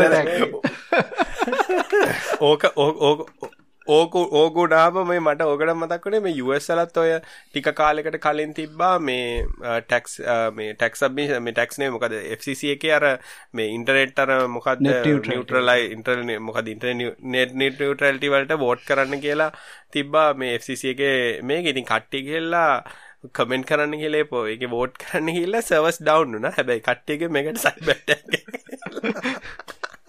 ඩවන්න නගර අර ඒවා ඒක ඇත්තරම් කවින් ප්‍රශ්තියන කොච්චරගත අපි හිනාවනාට ගොඩක් කම්පැනි තාමත් ආසයි සර්වරගේ ගොලන්ගේ ඔෆිස්ස ඇතුළේ දාලා අර මේ 2MB ලීස් ලයින් එක දුවන්න කියන ඒක කොච්චර පැහැදිලි කරත් මේක මේක මේවා. මොකද මම දන්න මේ කම්පනියක් තියෙනවා. මේ කම්පැනි ගැන අතර බ්‍රෝඩ්කාස්ටිං කම්පැනි එකක්. මේ ඒගොල්ලන්ට ඔඩියෝ වීඩියෝ ස්ට්‍රීම් කරන්න. මේ මට කියන අපේ මේ 10MB ලීස් ලයින් නැතිනේ එහො ඉතින් මං කෝ ඔක කරන්න බෑ කියලා. මේ ඉතින් ඒක ඒක තාමත් හරියට වැඩ කරා නමුත් ඒගොල්ලන් හිතන්නේ අර මාරමාරුවෙන් වෙන කොයි හරි ක්ලවුඩ් සර්වර් එකකට පුෂ් කරලා ඊට පස්සේ ඩිස්ට්‍රිබියුට් කරොත් නැත්නම් ඉතින් බෑ නේද ඔවු ඉතින් අනික අනික ප්‍රැක්ටිකලි හිතලා බලන්න ඕනේ දෙයනේ කොහොමද කියලා. දැන් මේ ඕවගේම තවත් එකක් තියෙනවා. ඒත් ලීස් ලයින් එකෙන් ගලවන්න බෑ කම්පැනියෙන්. ඊමේල්ස් ලෝ කියන හැමතිස්සෙම මොකද ඊමේල් සර්වර් එක ඇතුලේ තියෙන්නේ. 2MB ලීස් ලයින් එකක් තියෙන්නේ. හතර දෙනෙක් විතර ලොග් කරලා 10MB ඇටැච්මන්ට් එක ඩවුන්ලෝඩ් කරන්න හිතලා බලන්නකෝ. මංකෝ ඉට ඩවන්ද ගල්ල දාලා SLT ෆයිබ එකක් දාගන්න ගන්න 50MB හරි තියෙනවා එක කියලා. අර අන්න එක මිනිස්සු ඒක ඒක ඇත්තරම කවින් ප්‍රශ්ලා තින වෙන්ඩ ඩ්‍රිවන් එන්වාර්මට න ලංකාව තියෙන වෙන්ඩ ඩ්‍රිවන් එන්වාර්මට තියෙන්නේ. ISPගේ කවර ගිහිල්ලා මොනහර තෙල් බෙදල මොක්කර එකක් විකොන්න ඊට පස්සේ කම්පියුට හයි කරනයවුන් ගිහිල්ලා මොකක් හරි තෙල් බෙදල හක්සවරක් ගහල යකන්න ඒරස සොෆ්ට දාන්නක ගිල වින්ඩෝ සරි මොක් කරකක්කොල ඕකොපන ඔය හැබැයි අර කස්ටමගේ ප්‍රශ්නයට උත්තරයක් කවරු දැ මේ දසල ඇන්ටිවරස් දාගෙනන හැමෝට මර එසල්ට රයින්සමයාගේ පස්ස එක එක ඇන්ටිවරස් ඉස්ටෝ සොෆ්ට ඩියලප්මටල්ලා අයමකෝ කවීන් කියන්නේ දැන් හැමෝටම් තියෙන ප්‍රශ්නයන්නේ ස්ට්‍රෙස් ටෙස් කරන්න කොහොමද? ලෝඩ් ඇන්ලයිස් කරන්න කො දැම ම හෙම හරිම තියන ප්‍රශ්නත්තම මොකද කවර මට ඇවිල මගින් සලූෂන් නැකිල මකර එක කිල්ලෝ මං කියන හරි. වාට එක යුස ගැනට කොච්ච රිසෝසස් යනවාද? ඔල්ලු ඔල්ලු කසන එහෙම එකක් දන්නේ නෑ දැන් කී දෙනෙක් ඇක්සෙස් කරනද රියල් ටයිම් එක වෙලාගෙන බෑනිත් කොච්චරක් යනවාද එක යුස කෙනෙක්ට ඕගේ ප්‍රශ්න නවන අපිට ස්කේල් ඩිපලොයිමන් කනට එකන දැන් අපිතම අපි මයික සවිසස් වෙන්න පුළුවන් නැතම් වෙබ් සවිසස් වෙන්න පුළුවන් මොනහරි එක් නැත සවිස්වර්කස් වෙන්න පුළුවන්. පාවිච්චි කරට අල්ටිමටලි අපිට බිලින් කල්කුලේෂනයක් කරගන්න සමහල්ලාට එහෙම නැතද එකැන දැන් අපි එමසන්න ගන්න අපිට කොහරි අඩුගානි ජස්ටිෆයි කරන්න අපිට කල්කුලේෂන කරන්න නොනේ ආශ නැත්තන් ඉතින් ඇමසන් දාලා මාසන්තට බිලාට පස ඔලුවතක ගන්න අනියම්මෝ මොකදුන්නේ කියලා? මොනාද තියෙන ටූල් ඩිප්ලොයිස්මන්ටල්ට මොනාද තියෙන ටූල් ටෙස්ටිං වලට මොනාද තියෙන එහෙම නැත්නම් API එකක් අපි ඩිසයින් කරනවා නම් API ડોකියුමන්ටේෂන් එක කරන්න එහෙම නැත්නම් API එකේ ෆන්ක්ෂනැලිටි ඩොකියුමන්ට් කරන්න මොනවාද පාවිච්චි කරන්න පුළුවන් ටූල් සාමාන්‍යව මොනවාද පාවිච්චි කරන්න කියලා කිව්වා මම දැන් ඇත්තටම කිව්වොත් ඔප්ස් පැත්තෙන් නම් එච්චර ලෝඩ් ටෙස්ටිං ඒව මේව කරන්නේ මම හුඟක් කරන්නේ මේ පර්ෆෝමන්ස් ඇනාලිසිස් කරනවා. කිව්වේ සොෆ්ට්වෙයාර් එක ප්‍රොෆයිල් කරනවා. අපි ලියන කෝඩ් එහෙම දැන් ඇත්තටම කිව්වොත් මේ දවස්වල ඕගොලන්ට රිසිලියන්් සොෆ්ටය එකල් ලියන්න හරිම ලේසි දැන් අපිට කොච්චර කොච්චර ආකිටෙක්චර්ස් ඔය ඕන තනම් ෆ්‍රී රිසෝසස් ඉන්ට්‍රෙට් එක තියෙනවා පොඩ්ඩක් කියව්ව දැන් අපි අර සොෆ්ටය චේන්න එකේ නම් අපි දැන් අපි අවත්සෝස් කරන හින්දා අපිට ටෙස්ට හරි ඉම්පෝර්ටන්ට් අපි ඉතින් යස් එක්සෙප්ටන්ස් ටෙස්ටිං අපි ඇත්තටම සොෆ්ටයක ඉම්පලිමෙන්ට් කරන්න ඉස්සල්ල ලියලිවරයි අපි අර API කන්ට්‍රක්් එක මේ ලියන්නේ මමනං ඇත්තර ම වෙනම ටූල්ල ගල්ලිව යමල් ට්‍රන්ස්ෆෝර්ම් කරලා මේ ලේසි කරන්න වැඩේ. මේ අපි ලියන්න ඕපන් API ස්වැග වලින්. ඒවලින් ලියලා ඊට පසේ අපි කරන්න මේ ප්‍රිසම් කියලා සොෆ්ටය එකක් තියෙනවා. ප්‍රිසම් එකෙන් කරන්නේ ඔයාගේ අර API ෆයිල් එක දිහා බල්ල යා එක්සාම්පල් ඩේට දාලා සර්ව් කරනවා හරිම මේ ඒක යාට ඕන්නන් කියන්න පුළුවන්. අයිඩිය එක UUID එකක් කරන්න. ඒ වගේ හුඟත් දෙවල් කියන්න පුළුවන්. ඉති අපි ප්‍රිසම් යස් කරලා මේ ටෙස් ලියනවා. සමාරුවය ටෙස් ලියනවා හැම්වෙලාම් පාසෙන් ඒ වගේ වැඩනම් මේ හරියන්න හැබැයි අපි යසක්සෙප්ටන්ස් ටෙස්ටින් එක දාලා ඊට පස්සේ අපි එක සීයයිකට දාලා තියෙන් ඒකිවේ දැන් අරගොල්ලම් වැඩ කමිට් කරන්න අපි කියන්න TDD වෙන්න කියලා. හැබැයි ඒ අර අපි අවත්සෝස් කල කරන හින්දා අපි ඒවගේ ප්‍රෝච්ච එකත් තමයි ගන්න. යුනිට ටෙස්ටිං නං අර ටෙස්ටිං ට්‍රයිගල්ලගේ යුනිට ටෙස්ටිං එන්ජිනියස්ලම තමයි මේ ඒගොලන් ලියන කම්පෝනන්සල්ට ලියන්නේ. හැබයි ටෙස්ටිම් මෙතරෝල්ජයක තියෙන අපි ලියන්නේ මේ ෆංශන්ස්නේ අපි සර්වලස් මුළු ඇත්තටම මේ අපි අලුත් කම්පන එකක්කින්ද ඔක්කොම සර්වලසුනින් දිල තියෙන්නේ. මේ හැම කම්පෝනන්ට එකටම අපි කම්පෝනන් ටෙස්ට කල් ලියල තියෙන ඊට පස්සේ ඉන්ටග්‍රේෂන් ස්මෝක් ටෙස්ට එකත්තමයි දැන්ට තියෙන්නේ. ඔක්කොම කතා කරනවාද කියලා ඔව. එතකොට ටෙස්ටික පාසු නැත්තන් එහෙම මේ මර්ජ් කරන්න ඔව. ඒක ඇත්තටම අර මේ දැන් ඩස්ට එක මට මතකයි මේ බෑංකින් සලූෂන් එක ඇත්තටම ලොකු අපි එක ඩොකවල දෙව්වා. හැබැයි මගේ ඒ ඒ කාලි තිබ මැක්බුක් ප්‍රෝග 16ජීබිරම් හිර වෙනවා. එක දුවද්දි ඩොකවල මේ ඒක අපි මගේ අන්න ඊළඟ මැක්වලට ඩොක එච්චර මේකක් තිබෙනෑන කොහමත දවස්සලන මොකද ටික වෙනම වම මම දැන් ඔක්කොම ස්ටොප් කරලා තියෙන්නේ. ඒත් මගේ මේ 2GB ගන්න මොකටත් දන්න? වයිතන් ඒක මමනන් ඩොක කියන එකට පුදුම හරේ වගේ දුව නෑ මං හිතන්න මේ මේ මැක්වල නම් මේ ලිනක් සිමේජ් එකක් දුවනවාදකොද වින්ඩෝසලගේ වමක්කුට දුවන්න. යටින් යටින් ස්ටාර්ට් කරගෙන ඉන්නවා. ඒකයි ප්‍රශ්න තියෙන ඔය ඩොක්ක කියන එක මෙහෙමයි. හරි ලේසි මමනං ආසයි කනට ඕ නෑ ඒවනට අර වෙලාතින් තමන්ගේ මැසින් එක දුවනකොට එක මාර කර මේ මමර ලිනක්සලන ඇත්තටම ප්‍රශ්නය මම මේ දවස්සල මේ හුඟක් වෙලාට දැන් කවරරිමට කිව්ව ජාවයිට්වලින් මේ කම්පයිල් කාන්න කියලා මංජාවයි ඩවන්ලෝඩ් කරන්නත් යන්න මන් ඩොක ඉමේජ්කට වොලියම් එකක් මවන්් කල තමයි දුවන්නේ. ඒ වගේ අර අර මේ අර දැන් කියනවන ඩිවලප්මන්් කරද්දි ටරන්සොන් මයි මශීන් කියැනව මගේ මශීන් එක වැඩ කරනවා කියල කියන්න බෑන. ඒ වගේ අර ඒක ඒ අර අර ඩෙවොප්ස් ප්‍රෝසෙස් එක ඉම්පෝර්ටන් පාට් එකක්. හැබැයි අර හුඟක් අය පොඩ්ඩක් ඒක නිකං වෙනස් කල තියෙන් දැත් සමාරු ඩොක ඉමේජස් තියනවා ඒක ඇතුළ එන්ජිනෙක්ස් දුවනෝ මයිස්කිවල් දුවනෝ PHP දුවනෝ ඔක්කොම එකේ දුවන් දැන් ඒගොලන් කියනවා ඇත්තටම අපි කන්ටේන එකක් විදිර මේක ප්‍රඩක්් එකක් විදිර බැලූ තව් ඒක හරි. හැබැයිතින් ඒ වගේ දේවල් බලද්දිතින් පොඩ්ඩක් අමාරුයිනේ ඔහු අන්න තන ඒගැන ඒකත් ඇබියස් වෙන ඉදතයි ප්‍රශ්්‍ය තියෙන කට්ටියට ගැන්න තේරෙන්න හැදැන් ගැන සමල්ලාට අපිතම ප්‍රජෙක්්ටක් කරගරන්නවා ඩොක එකේ අපිතම පHP මනාර පපලිකේෂන කර කරින්දල ඉටස පස්සේ කවින්කවගේ ජාවහෙම නැත්තම් මොකක් හරි වෙන කම්පලි ඩිෆරන්ට එකක් කියෙන ඉටවස ඒකට අවශ්‍යන මට ඉංජිනෙක්සි ටොම් කැට් මොන හරි අවශ්‍යන ඒකත් තරකටමද එතකොට අර අර මුළු කතාම වැඩන්නෑ වාර ඒ ඔක්කොම එකට ගහල ඒ ෆලෙක්සිබිලිටිය එක නැති වෙලා යනවා මේ ඇයි යන ඒක බලද්දි නිකන් ලොකු ඉකෝසිස්ටම් එක පස්සේ තිය සුපෝයිස් සුපෝයිස් එක්කුත් ඊට පස්සේ ඒක ප්‍රඩක්ෂන් එකටත් දාන. ඕ ඒක ඒක බල්ලට ප්‍රඩක්ෂන් ඒව දැක්වන මටත් දුක හිතන ඒ අර සුපවයිස එක්කොත් දුවනවා? දැන් ඒක සුපෝයිස එක් කවද මොන්ට කර අර ඩොක කටේන එක දුවනවා. සුපවයිසරගේ මොනාරි වෙන මේ අන්නේ මේ ඩොකා ගැන කතාගන්න නිසා ටිකක් කන්ටේනස් එකන කුබනැට්ටි පැත්තරත් පොඩ්ඩන්නයක් කතා කරන්න පුලන්න හොඳයි කළමට හිතෙනවා.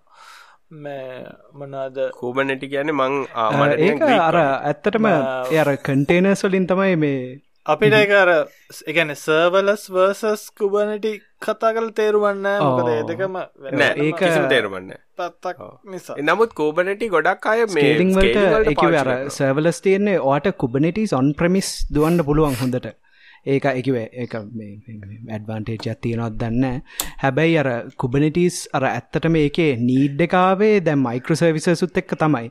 දැන්වා ඇත්තට මිතුව දැ මයික්‍රසර්විසස්වාට ස්විච්චුන වාට දැන් සර්විස් විස්සත් තියෙනවා. හිතන්නක කම්පියුටර් විස්සක් කරගෙන සර්විස් විස්ස ඉන්ස්ටෝල් කල්ලා කනෙක්ෂන් ලිංක් දානයට වඩා.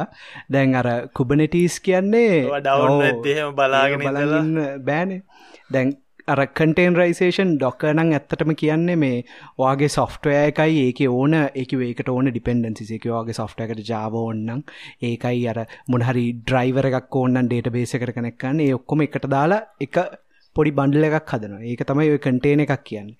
ඊට පස්සේ කුබනිටස් කියන්නේ ඔකස්ට්‍රේට එකක්. එයා කරන්නේ ඒගැන ඒකෙත් ඩොක්ක ඔස්ටකත්තම බැලම තියන්නේ ඒක ඒක නියම ඒක මෙටා ලෙවල්ලේකට යන එක කුබනිටීසුත් වාට ස්කේල් කරන්න වෙනවාගේ වැඩ වැඩිට. ඒ අර. ඒක එකර මැනේජ් කුබනිටස් තියනවා නෑ එච්චර අමාරුයි නෑකතයි ග්‍රීක් වගේ. මොක සමල්ලට බැලවා මේ කරන දේවල් හරිට කල තිබෙන තුනම් හොයාගන්නත් බැම කත්තුනේ අන්තිමට. ගැන ඒ මන්න ම තාම හරියට මට කරගන්න බැරි හොඳ කුබනිටස් ඩිප්ලොමට ම එකක් කර. එච්චරයි. කුබනට සෙටප් එකටයක් කම්පලේක කම්පලෙක්ස් ඒකර නෑ ඒක කම්පලෙක්ස් එන්නේ තිලින ප්‍රශ්න තියෙන්නේ අර සමහරලාට දැන් ඔය දැන් ඩොකර් දාගෙන ඩිවෙලොප් කරනවා ඩිවෙලොප් කරන කට්ටිය.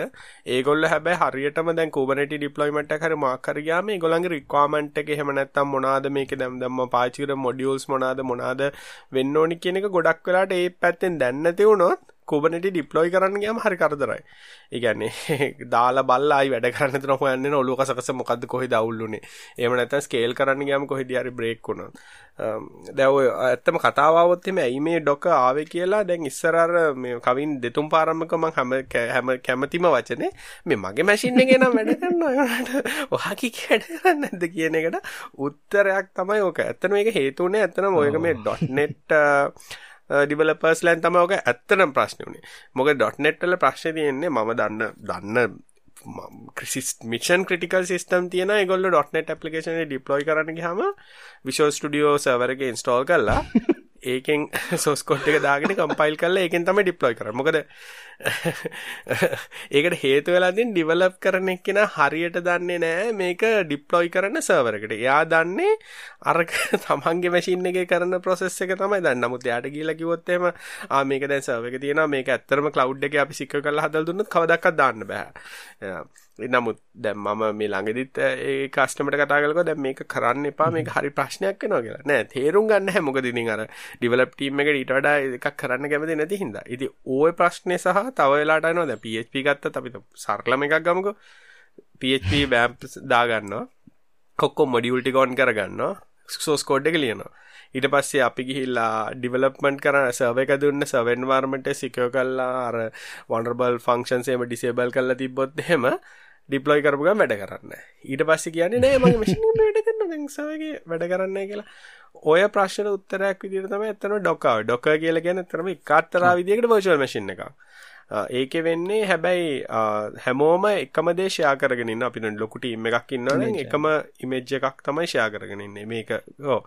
මේක මේක පාවිච්චි කරලා ඩිප්ලොයිමන්ට් එක. කරා. එතකොට අර එන්වයරන්මන්ට් එක හදලා දීලා තිනවා කවුරු ටීම් එකේ. කියන්නේ එක ප්‍රොජෙක්ට් ප්ලෑන් කරන එක්කෙනා කවුරු හරි ඒක ඩිප්ලොයි කරලා දෙනවා. ඊට ඒක ඩෙවලොප් කරන එක්කෙනා ඒකේ තමයි ඩෙවලොප් කරන්නේ. හැබැයි චේන්ජ් එකක් කරොත් එහෙම හැමෝටම කියනවා මම මේ චේන්ජ් එක කරා කියලා. ඩිප්ලොයි කරනකොට DevOps ටීම් එකටත් හරි ලේසි අරග ගත්තා ඔවු මේ ඩෙවස් ටීම එක ඔපරේෂන්සටන හරිම ලේසි දැන්වා මොනර ෆීච කල් ලියල කාටරනික ඊමේල්ල එක කියනවා මේ අලුතෙන් දාපු ෆීචරකට ඉමේජ් මැජික් මේ වර්ෂන් එක හරියට අර සවරගේ තියෙන ඕන කියෙන දැවක නැතිවලා යනන කාටරි අමතකෙන ඊටස ඩිප්ලෝයි කාට පස පින්තුරයක් අප්ලෝඩ් කර පින්තුරන ද ඒ වගේ ප්‍රශ්නෑ වැඩ කරන්න. එහෙම නැත සරල වෙලාවට ගත්තොත් එම අප්ලෝඩ් සයිස් එක වෙනස්. 2MB අප්ලෝඩ් ෆයිල් එකක් තියෙන හැබැයි HTTP පෝස්ට් එක තියෙන්නේ 1MB සවරගේ දැන් ආරෝජස් කළා ඔක්කොම කරලා දැම්මට පස්සේ අර දැන් HTTP පෝස්ට් ප්‍රශ්නේම ගොඩක් ඉන APIs වලට. මොකද large API call එකක් ඇවිල්ලා පෝස්ට් සයිස් එක ලොකු වුණොත් එහෙම වැඩ කරන්නේ. නෑ මේ මැෂින් එකේ වැඩ කරනවනේ. ඒක වැඩ කරන්නේ. අන ඕක ඒකට එකත හැබැයිති ඒක මම දකින්නේ හරි දැන් මම එක කැමැත්තත් තමයි දැන් අලුත් අලුත් ඩිප්ලොයිමන්ටල්දි මේ ඩෙව්වොප්ස් කඩලා තියෙන එක. මොකද ඉස්සර ඇත්තන මොනේ කම්පැනි වල ඩිප්ලොයි කරන්නේ ඩිවලොපර්මයි එතකොට අර තමන් කරපු මිස්ටේක් ටික ඔක්කොම දානවා සර්වර් එකට. අර ඩෙව්වොප් සහ පොඩි කන්ට්‍රෝල් එකක් වටන ඒගොල්ලෝ සාමාන්‍යයෙන් අර පැත්තත් දන්න හින්දා කියන නෑ ඔහොම කරන්න අපි මෙහෙම චේන්ජ් එකක් කරමු මේ විදිහට කරමු මේ විදිහට කරමු. කියන්නේ ඒක පර්ෆෙක්ට් සොලියුෂන් එකක් කියලා. නමුත් තිබ්බ ප්‍රශ්න හැටියට මීට අවුරුදු පහකට හයකට කලින් පෆෙක් පාකරගෙන ඒකර ඩෙවොප්ස් එහෙම වෙනම කතාවක් ඇත්තට ඒක ලොකු අර ඒක අර හුඟක් අහිතන්න ඩෙවොප්ස් කියන්නේ කටිනිියස්ලි ඉන්ටග්‍රේට් කරලා කිව ටෙස් කල්ලා ඩිප්ලොයි කරනවා කියල විතරයි. හැබැයි ඒක අර ෆීඩබැක් සයිකල්ල එහෙම හුඟක් අය ඩ්‍රොප් කරනවා. ඒක වර ග්‍රෆාඩ වගේ දුවලා ඒක තමයි වටින්න වගේ ෆීචර ගියාට පස්සේ අර්ද ෆීචර ගිහිල ඩිප්ලොයි වුනාට පස්සේ කවුරට කියනවා මේ පේජ් එකේ වැඩ කරන්න කියලා ඊට පස්සේ ඉතින් ආයෙත් මුලින් ඉඳන් ලියන්න යනවා. එහෙම නෙමෙයි කර ඒ ඒ ඇතුලේ දැන් වගේ එන්වයරන්මන්ට් දෙකේ ඔයාට ඉක්මනට ස්විච් කර කර පර්ෆෝමන්ස් ඩෑෂ්බෝඩ් එකෙන් බල බල එහෙම තමයි කරන්න ඕනේ. ජයිල් විදියට හැමදාම නයිට්ලි රිලීස් එකක් කරනවා නම්. ඔව්. ඔව්. අනිතක එතකොට අර ඩෙවොප්ස් ටීම් එක රිසෝසස් ඔප්ටිමයිසේෂන් එතකොට දැන් කවිනුත් කිව්වා යා ගොඩක් කරන්නේ ඔප්ටිමයිසේෂන් කියලා. මොකද ඔප්ටිමයිසේෂන් කියන්නේ ගොඩක් අය ඇඟට ගන්නෙ නෑ. මොකද හැමෝම හිතන් ඉන්නවා මේ ආ මේක දැන් CPU දැන් 1MB අපි හිතමු එක මොකක් හරි API call එකක් තියෙනවා අපිට CPU cycle අපි හිතමු 30ක් විතර ගිහිල්ලා 1MB RAM එක යන එක ඕක 512 කරලා CPU cycle 15ක් කරාම මේකේ තියෙන ඒක තේරෙන්නේ නැහැ.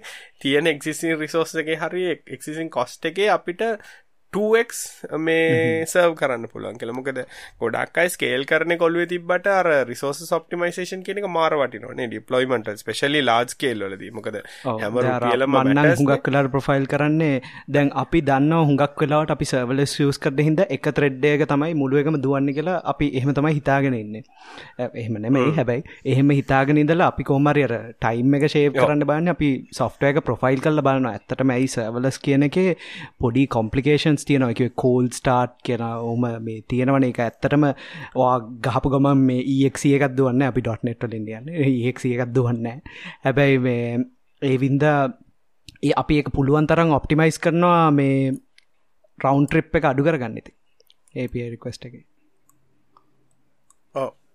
මොකද මිලිසකන් ගාන කියන එකත් අර ෆයිනන්ශල් ඒවට ගොඩක් ඉම්පෝර්ටන් ෆයිනන්ශලේ දැන්න ෆෙස්බුක්ේ ලයික එකටුනත් ඉම්පෝර්ට්න එබෝ ගමන් ලයික් වෙන්න පැයි නැත්නම් ඒ වගේ දේවල් හිතුවත් එහෙම අපි දැන් නිකම් පොඩියට ෆෙස්බුක් වගේ ඇප්ලිකේෂන කරන් හිතුවත් දවසට හිතන්න කී දෙනෙක් ලයික් බට්නයක් මේ කිව්ව චුට්ටට එබෙන් නැද්ද කියලා.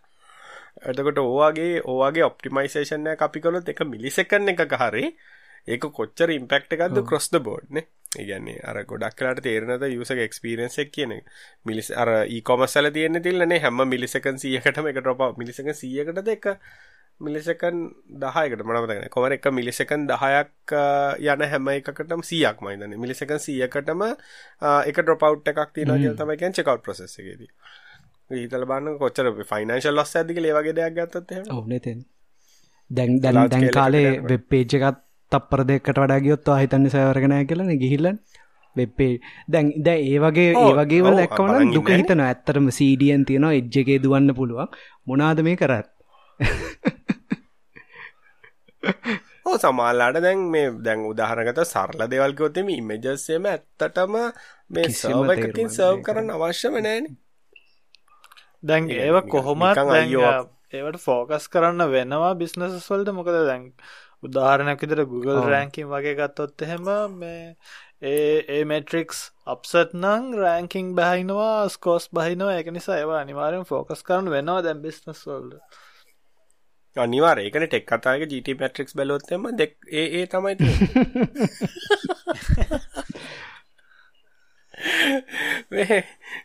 නෑ වීලෝට කිවත් ඇත්තරම මේ ගැන මෙට්‍රික් ගැන ගොඩක් අයට තේර නැති දැ තමයි ගැන් තමන්ගේ ප්‍රහෝමන්ස් ඇල්ලයිස් කරලා ටෙස් කරන එක. සමාලාට එක ජාවස්ක්‍රප් එකක් වෙන්න පුළුවන් මුල්ලු එන්ටය බොටල් එක් එක සමහල්ලාට පොඩ්ඩි කෑල්ලක් වෙන්න පුළන් අර වෙලා තියෙන ෆංක්ෂනල්ටි ෆෝකස් ඩිවලප්මන්ට උනහම තමයි ඔක ඇත්තන ප්‍රශ්න වෙන ගැන වැඩ කරන්නද කියල බලන්න ෆංක්ෂනල්ටි කෙනවාද කියල බලන්න නමුත් ඔප්ටිමයිසේෂන් එකක් වෙන්නේ නෑ ඒක මයිතන ගොඩක් ස්මෝල් ස්කේල්වල යනකොට ප්‍රශ් තියෙනවාට දැන්කාලේ කවරුත් අර මොඩන් E6 ජාවස්ක්‍රප් විදිිය දන්නත් අගේ වෙබ් පැක් වගේ මොහරි පාවිච්චි කරල වගේ ජාවස්ක්‍රප්ටික බඩල් කරන ඒ වගේ ජාවස්ක්‍රප් ලිප් මේ ස්පලිට් කරන එක. ඇයි දැම් මේ ළඟදිම අලුම ට්‍රෙන්ඩ් එක තමයින සිංගල් පේජ් ඇප්ලියන එක? ස්පA බන්ඩල් එක එම්බී තුනයි ඕක ඩෝඩ්ඩන කම්බලගන්නවා දැන් ඒවගේ එක ඇත්තටම බලවා හරිට ස්පලිට් කරල හදන්න ඕන. එකවේ ඩයිනමිකලි ලෝඩ්ෙන් නැත්තං රියක්ට වගේ කරනවා නම් සර්වසයිඩ රෙන්ඩරිනුත් තියෙනවා. ඒකත් පාවිච්චි කරන්න. අනිත්තක ඕ දැන් ජාවස්ක්‍රප්ටගේ ගත්තම් මේක සමල්ලට මන්දකල් තියෙන දැන් මෙජේකුරි වර්ෂන් තුනක් තරම එක පේජ්ජක ලෝඩ්න සමල්ලට තිම ඇයි කියල කල්ප ගැන සමල්ලට පාවිච්චි වෙලත්න අර ඒ වගේ ඒ වෙබ් ඩියවලපන් ගැන කතාකරත්නම් මිස්ටේක්ස් ගොඩයින ඒවගේ අර අවශ්‍යක අවශ්‍ය පේජ්ජක ලෝඩ් කරනවා කියනකෙන මාර් ක්‍රටිකල් ගැන ඉස්සරනං උනේ ඇත්තන මෙහෙමන වනේ මොක ඉස්සර ගොඩක් ලට ඉන්ලයින් ඉන්ලයින් ස්ටික තියෙන්නේ. ජාවට ඩිස්ක්‍රප්ටිකත් ඉන්ලයින් ගොඩක් කලාට එතකොට ඒ පේජක එකට දාල්ටික ලෝඩ්න ඉවර දැන්හෙමනවෙන මගේ සමල්ලට ඇඩ්මින් එකේති එන්න ඕන ජාවස්ක්‍රප්ටිකත් ලෝඩ්නවා නිකං යස ලොග් යස කෙනෙක් සයිට් එකට ආපුගම හර ත්‍රියම් අපි මේ ඩිවලප්මන්් ගැන පෝතා පොඩක් කතා කරොත් එහෙම කවෙන් වැඩකරපු තැන්වල කෝඩ්‍රවව් එක්ස්පිරියන්ස් එක් කොහොමද? මං වැඩ කරපු ගොඩක් කියන කලින් චොප්සලය වගේ එක වීක් පොයින්ට ඇත්තමයි කෝඩ්ඩ ප්‍රසෙස් එක ටිකක් අඩු එක. එක්කෝ එකන 100% කෝඩ් රිවිය් කරන්න නැත්තං ඒ විදිහට. ඒක මමන මමන ඇත්තටම කියන්නේ හුඟක් කලාට මන් මේ ඩස්ට එකෙත් මම ලීඩ් කර පොඩි පොඩිය එෆත්වලට කෝඩ් රිවිව එකට වඩා මන්න ඉස්සල්ලම කියන්න උනාරි කරන්න ඉස්සල් අපි ඩිසයින් රිවිව එකත්තියමු ඒක තමයි මෝස්ම ඉම්පෝර්ටන් පාට් එක. මමනන් දැක්කේ එතන ඇත්තටම. දැන් අර අපි ඉස්සල්ලම කරේ මොනහරි ෆීච එකක් දැන්ව ඊමේල් එක තියෙනවනම් ඊමේල් එක බලලා ඊට පස්සේ ඩිසයින් එකක් ප්‍රපෝස් කරලා ඒක රිවියව් කරලා මේ ඊට පස කෝඩ් රිවිව එක හුඟත් දුරට අපි නිකන් ගිට්හබ්බල නිකම් පුල් රික්වස්ටගෙන් තමයි බලන්න. හැබැයි ජාව කරන යන දන්නවන ඉතින් ඔය සමල්ල ලයින් දහදක් විතර එනවා. මේ ඊටස ඕ කමිට් කඩල නැත්තං ඕ කියවන්න මම මන්න මටනික ප්‍රූ් කරන්නත් මොනාදවගේ මං කෙලිම දාන මං කියව්වෙන මේ ඊට පස්සේ ප්‍රූ කරන දැම් මේ ඇයි බෑන ඇතර ඒක මහිතන්න ඔය දැන් අර කාරියට ගිට් ගිට් එක මේ කමෙන්ට් හරි ඒගැන කමෙන්ට්ස් දාන විදිහ මහිතන්න ඉන්ටවී ප්‍රසෙස් එක තියෙන් ඕන දෙයක්. මේ ඩිවලප ගෙන කය කර දෙකන මොක්කර අපි දෙනවා අනිකරි කරන්න පොඩි එකන එක්සසයිස්යක් හය කරන්න කලින් ගිට් හබ් එක හරික හරි කරන්න කියලා එයා ඒ කැනෙ කෑලි කඩාගන්න කියන එක මේ ඒකර ගිට් අනික් අනිකාර කමෙන්ට් කරන්න මේ කමිට් කරන්න කොටත් එක පාට ලොරියක් විතර චේන්ජස් කමිට් කරන්න තුවර ගැන තත් තුන ගිතර වැඩ කල්ල එක පාට්ට කමිට් කරලා දාන කොටත් ලොකු ප්‍රශ්නයක්නේ තුන් හතර දෙනෙක් මෙම ඒක ඇත්තට මෙම ලොකු මර්ජ් කර කමිට හිස්ට්‍රිය බැලූහම තියෙන්න්න ඕන ස්ටෝරිය එක. කමිට හිස්ට්‍රියක තියෙන්න්න ඕන මොකක්ද වුණ ස්ටෝරික කියලා නිකම් අයිඩිය එකක් එන්නවන වෙන කාරහරි බලතනම ඒක වර්ෂ් වර්ෂනිං වලටත් පාවිච්චි කරන්න පුළුවන්. මොකද කැන කැනෙ ඒවගේ චේන්ජස්ටි ස්ට්‍රේ තිබන අපිට වර්ෂනින් කරන්නකට හරි ලේසි මොකද වර්ෂණ එක විච චේන්ජස්ටි ඔක්කොම එතන තියෙනවා. හරියට කමෙන්ට් කමෙන්ට් කරන කියන හරි ඩිසිපලින් න්නේ ගැන අඩුගාන මේ තරන්නේ සෝස්කෝ කෝඩ්ඩක ලියනකොට කමෙන්ට ලියන එකත් මාර ගිට් එටිකට් එකක් තියෙන අපි කෝඩ් ලියන්න ඕනේ මැසින්න කරනෙමයි කෝඩ් ලියන්න ඕන ඒක තමයි මං හුගක් අයට ගැන ජාව ලියනවනම් ඔයා පෆෝර්මන්ස් ඔප්ටිමයිස් කරන්න යන්න එපා. ජාව කම්පයිලර එක එක හොඳට කරනවා. ට්‍රන්ස්පයිල මේ දැහුගක් අය සමල්ලට කියෙන ම ජාවල ඔප්ටිමයිස් කරන්න මෙහෙම ලිව නෑ ජාව තියෙන්නේ වාට රීඩ බිලිටි තමයි අර ෆස් පොයින්් එක. ඒ වගේ. ද සීලිය නොනං ඕ. සීලිය නොනම් හරි වා පෆෝර්මන්ස් ඉදිරියට ලියනවා. කිසිම් ප්‍රශ්න හැබැ ගිට් කතාවන ඇත්තට මේක පොඩ්ඩක් එටිකට් එකක් වගේ තියෙන්න ඕන. හැමෝම දැනගන්න ඕනේ මේ කමිට් කරන විදිිය සමාරු අයනං ඉන්නවන. ඉතින් මේ නෑ නෑමං කමිට් කරන්න මම හෙට ඇවිල්ල වැඩ කරලි වෙල්ලා කමිට් කරන්න. මද කිරති කම්පියුටර දැන් මොනහරි වුණත් මොනාද කරන්න? ඕ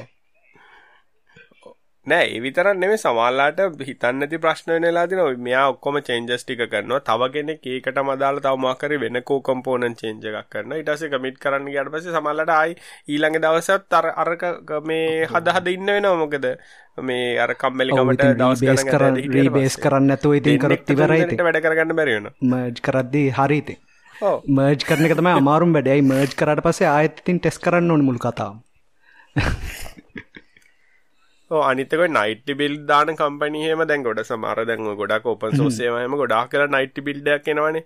නයිට බිල්ඩ ගොඩක් කලා ඩොටමේට් කලති මන් සමහර සොෆ්ට ඇතින ඇත්තරම නයිටලි බිල්ඩල දුවනවා ඉතින් ඒවා මාර ආස හිතෙනවා මොකද? ඇයිගන්න ඇත්තනම සමහලට වෙනවාම මේ සමල්ලන මත්තකත් නැතින මම ඉන්න නයිට්ලිය එක කියලා ගැන එච්චරට මුකුත්ම භාග්‍ය එකක් නැයිති ගැන්නේ කොච්චර හොඳද කියලා හිතලපන්න අපේම නයිට පිල්ඩ එක මොනහරි මේ කන්සෝල් ලොග් එකක් වදිනවා මේක තාම කරනවා ඉන්න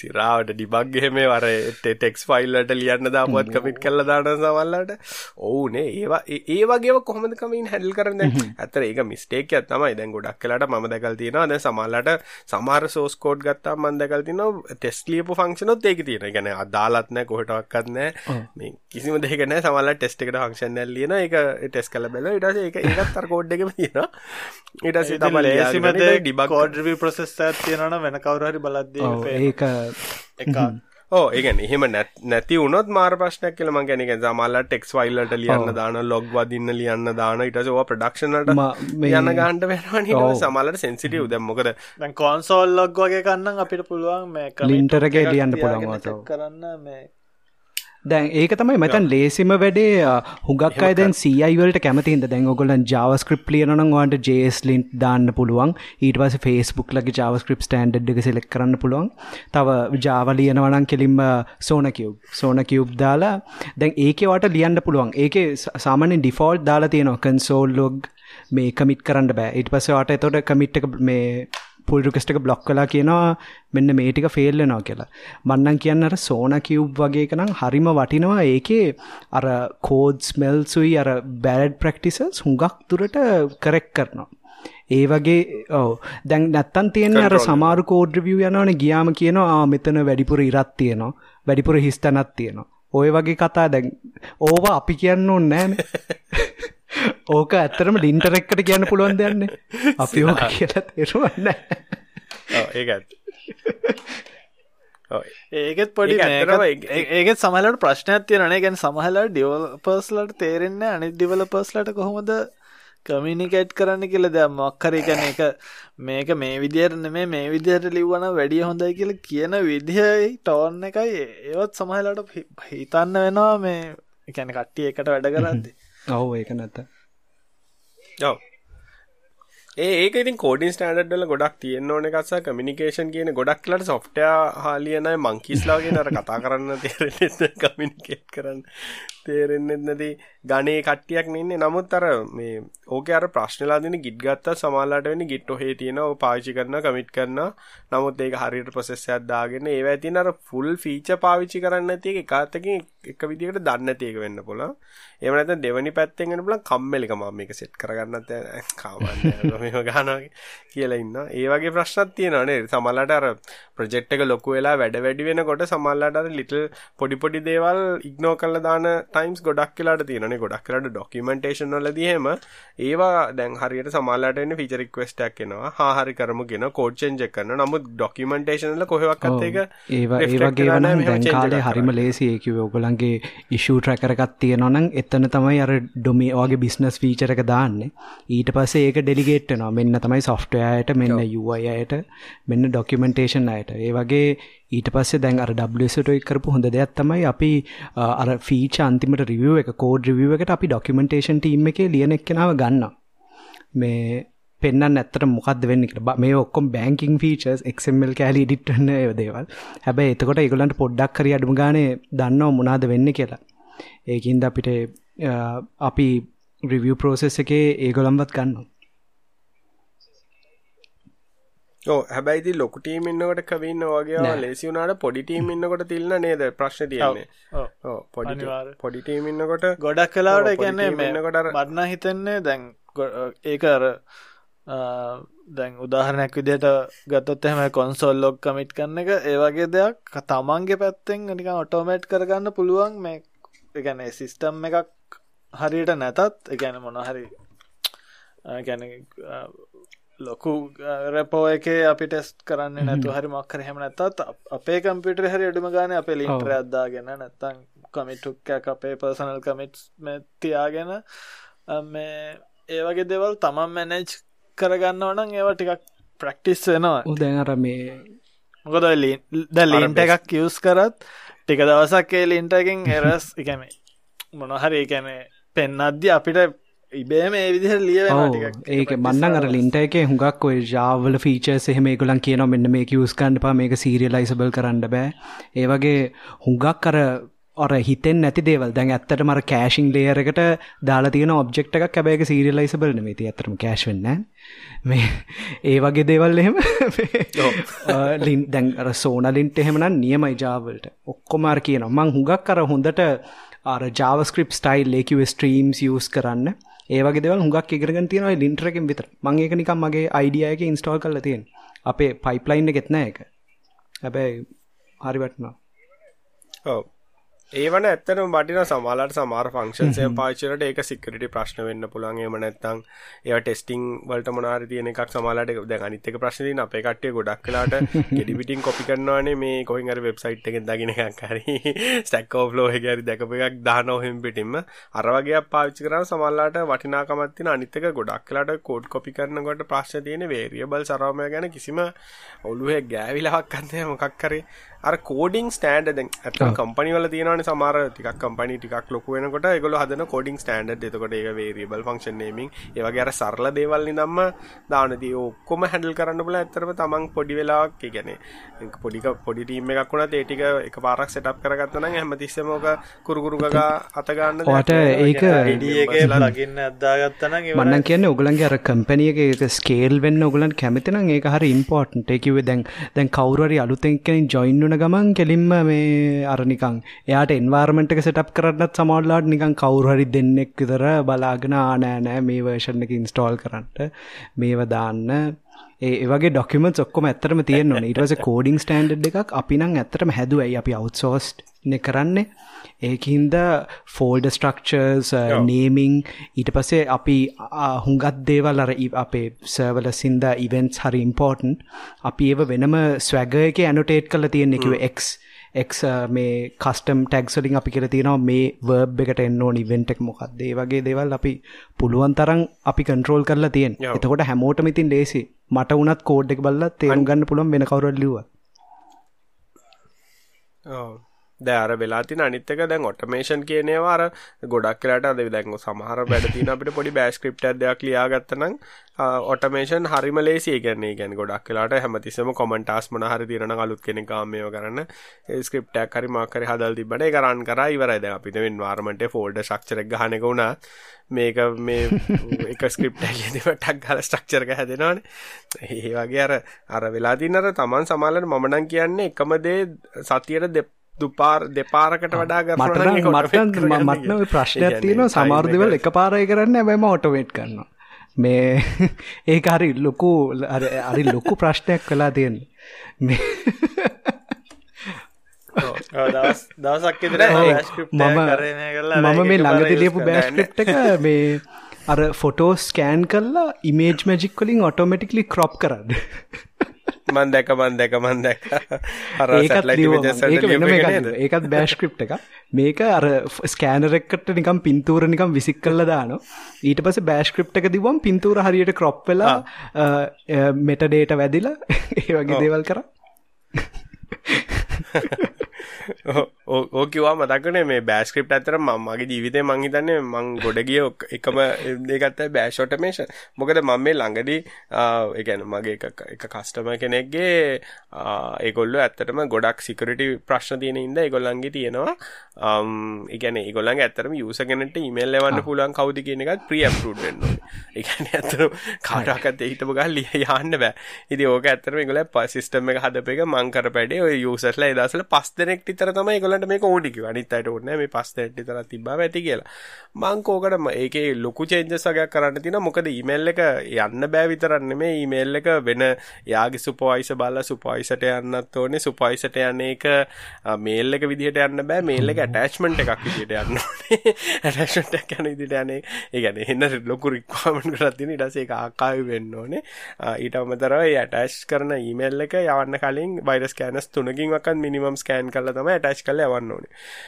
ඉතින් ඕක කරන්න මං එක මොකද මට ඇතරව ඒක ඇත්තරම කම්පිකරේෂන් ටික දාලා ඒක හදන්න හදන්න තිබේ ලයින් 20ක් විතර වගේ වෙනසක් කරන්න තමයි තිබ්බේ. ඉතින් මම කරපැඩේ ওই ලයින් 20 එඩිට් කරන්න ඒක මොකද account පහක් විතරනේ තිබ්බේ. ඉතින් ওই ලයින් 20 හදනවා කියලා හදලා පස්සේ මට හිතුණා නෑ ඕනේ නැහැ මේ මේක මේක කරන එක මං ඔටෝමේටික් බෑෂ් ස්ක්‍රිප්ට් එක කො ලියලා දානවා කියලා ඊට පස්සේ බෑෂ් යම නිකන් හදලා තිබ්බා. ඒ කියන්නේ ඇත්තටම රිපිටිව් ටාස්ක් එකක් නෙමෙයි ඇත්තටම. ඒ කියන්නේ ඒක වන් රිකවර්ඩ්. ඊට පස්සේ කොරෝනා හිට් වෙලා මේ SLD ප්‍රශ්නේ ආපු ගමන් මේ මනුස්සයා ගාව නෑ මම අපිට මේක account තව 45කට කරන්න ඕනේ කියලා. හිතලා බලන්න කොහොම මම ලියලා තිබ්බේ නැත්නම් මොකද කියලා මං කව රයිට් ප්‍රශ්නයක් නෑ ටෙක්ස්ට් ෆයිල් එක මට හදලා ගන්න කිව්වා ටෙක්ස්ට් ෆයිල් එක මේ පයිප් කරා බෑ ස්ක්‍රිප්ට් එකට එක එන්ටර් එකයි විනාඩි 5යි වැඩ ඉවරයි. අර ඒ කියන්නේ ඔටෝමේෂන් කියන එකේ වටිනාකම අර කියන්නේ ඒකයි. කියන්නේ සමහරලාට රිපීටිව් ටාස්ක් මම ඔය එක උදාහරණ දුන්නාට අපි ගොඩක් වෙලාට කරන වැඩ රිපීටිව් නේ. කියන්නේ අපි එකම දේ ගොඩක් කොච්චර කොහොම හිතුවත් අපි රිපීටිව් නේ කරන්නේ. ඒක නිසා ඔටෝමේෂන් කියන එකත් ඉගෙන ගන්න ඕනේ. තමන්ගේ ඒක නා ලයිෆ් එකට දැව උදාරගත SSH SSH කරන එකක් වෙන්න පුළන් FTP කරන එකක් වෙන්න පුළුවන්. සමල්ලට ෆෝල්ඩර එකක් මාරුවෙන එකක් වෙන්න පුළගෙන මසින්න එක ලොගල ශෙල්ලෙක් හම මේ ෆෝල්ඩරකට යන්නඕන කියනෙකුුණත් සමල්ලට හැමතිස්සම කරන්න අවශ්‍යනෑන ද මගෙනන් ගොඩක් කලට ම ශෙල්ල කරන්න SSH කරන්න. ම ටර්මිනල්ල කරන්නට ම ලියලම තියෙන SSH මේ මගේ ඒකත් බෑස්ක්‍රප් හැල්ලියල් තින මේ මට පෙන්න්න කොයිසවරකට කනෙක් නොට මට තොට ඉලක්කමක් තර වන්න තියන්නේ ඒබලි මේ ෆන්නෙකුත් තියෙන දෙන්න. ගැන්න අර කන්දන්න කළ උඩ කොඩියක් ගනවාගේ ඕ අම්මෝ. අනිවාර පොඩි ගතියක් තියෙන ඒ ඔටමේෂනල ගත් අරික සැටිස්ෆක්ෂන් තල බන් දැම් මට හෙන්න හැපිවුණ අර ඊමල් හෙන්න ලිස්ට එකක් එව හමසා මට එක ලයින්නගෙන මේකට ගහන්නවන කියලා. නැත්ත ලයින් විස්ස විසා තලිස් පාකට දාන්න ගයානගේ හැබැයි ඒ වෙලා මට ඔය බෑස්ක්‍රප්ට ලියන්න වනානම් මට මතකත් නෑ මම්මනද කරේ කියලා ඇත්තම කතාවද හිමට මට ඩොකිමෙන්ට් චේන්ජස් ටිකක් බලලා මොනවද චේන්ජ් කරේ කියලා හොයලා බලලා ඔක්කොම ටික කරන්න යනවා අර මතක නැති වෙනවත් අපිට තියෙන ප්‍රශ්න සමහරවිට පොඩි වැඩක් අපි කරනවා ටික දවසක් ගියාම ඊට පස්සේ මතක නැහැ ඒකින්ද අර කමෙන්ට් කරන්නේ මම ඉම්පෝටන්ට් වෙන්නේ අන්නේ වෙලාවට. ඒතකොට කමෙන්ට් එකක් කරලා තිබ්බත් ආ මම මේකනේ මේක කරේ කියලා ඒ වෙලාවට ටිස් කාලේනවා. නැත්නම් ඔලුව කස කස ඉන්න නෑ. මේක දැම්මේ ඇයි ඕන තරම් වෙලා ඇතිනේ. අපි පැයක් ඇද්දකෝ මර්ග පැයක්නේ පැය අද විනාඩි අද ඩෙව් කතා එකක් නේ උනේ මං හිතනවා හැමෝම ඇහුව කියලාන දෙව් කතා. නෑ නෑ හොඳ හොඳ. අපි මේ තිල්න අපි සෙනසුරාද ඩයි එපිසෝඩ්ඩක් කරන්න මොකද කර ආ, කරමු වෙලා තිබ්බත්න බල ප්‍රශ්නලොට්ට ඇතියෙන ප්‍රශ්නලොට්ට ඇතියෙන බලු තිබ්බොත් අපි කරු අපි අයි අදස කවින ජොයින් කරගමන. මොකද අපිට මේ ඔපිසට්ඩ කියමු කාටන මෙච්චල් අහගෙනතල ප්‍රශ්න තියෙනනම් අපිට වෙනම කියන්න. අපි ඊළඟ ආයි ලබ සතිය වගේ ආයි කවින්න සම්බන්ධ කරන අයි ස්පෙශල් පිසෝඩ්ඩක් කරන්න මේ කතා කරපු දෙවල්ලට ප්‍රශ්න තියෙනන තිල්ලට තව මනහර තියෙනද අපි නවත්තන්න කලින් කතා කරන්න කවින්ට මනහර තියෙනද මටනං අම්බෝ අද කතා කරා හුඟක් එච්චරද නැන ඔයගන්නේ. සාමන උච්චර කතා කරන්න නේද? නෑ අම්බෝ මට කම්පියුටර් ගැන කතා ගන්න කිවත්න ඉදි නවත්ත ගන්න බෑද අපි ඊළඟ සතිය කතා කරමු මියසික් ගැන. කට කවින්ගේ හොබියගන ගිටා නෑනම පියාන ගන ්‍රම්ස්ටන් ගන්න මේ එපාකිම ගිටා පුළුවන් පියාන පුළුවන්. හරි අහන්න වයිනල් විතරයි. සව සව කම්පෝස් SoundCloud සිින්දු තියෙන එකේ. කොහෙත් තියන්නේ සවන්් කලව්නේ සවන්් කලව් කවින් කියලා සච් කරන්න හවාගෙන පුලන්නේ ගිහිම් බල ගිම් බල්ල කමෙන්ට දන්න. එනම් මනහරි ප්‍රශ් තියන අපිට දාන්න. අපි ආයි එපිසෝඩ්ඩක් කරන්න ඩිවලප්පට් ගැන. එනම් හැමෝටම සුපසතයක් Thank you, තැංක වාචන කවින්. අපිත් එකාවට තිල්ල සුපසතිය එන අපි ලබ සතියහන්න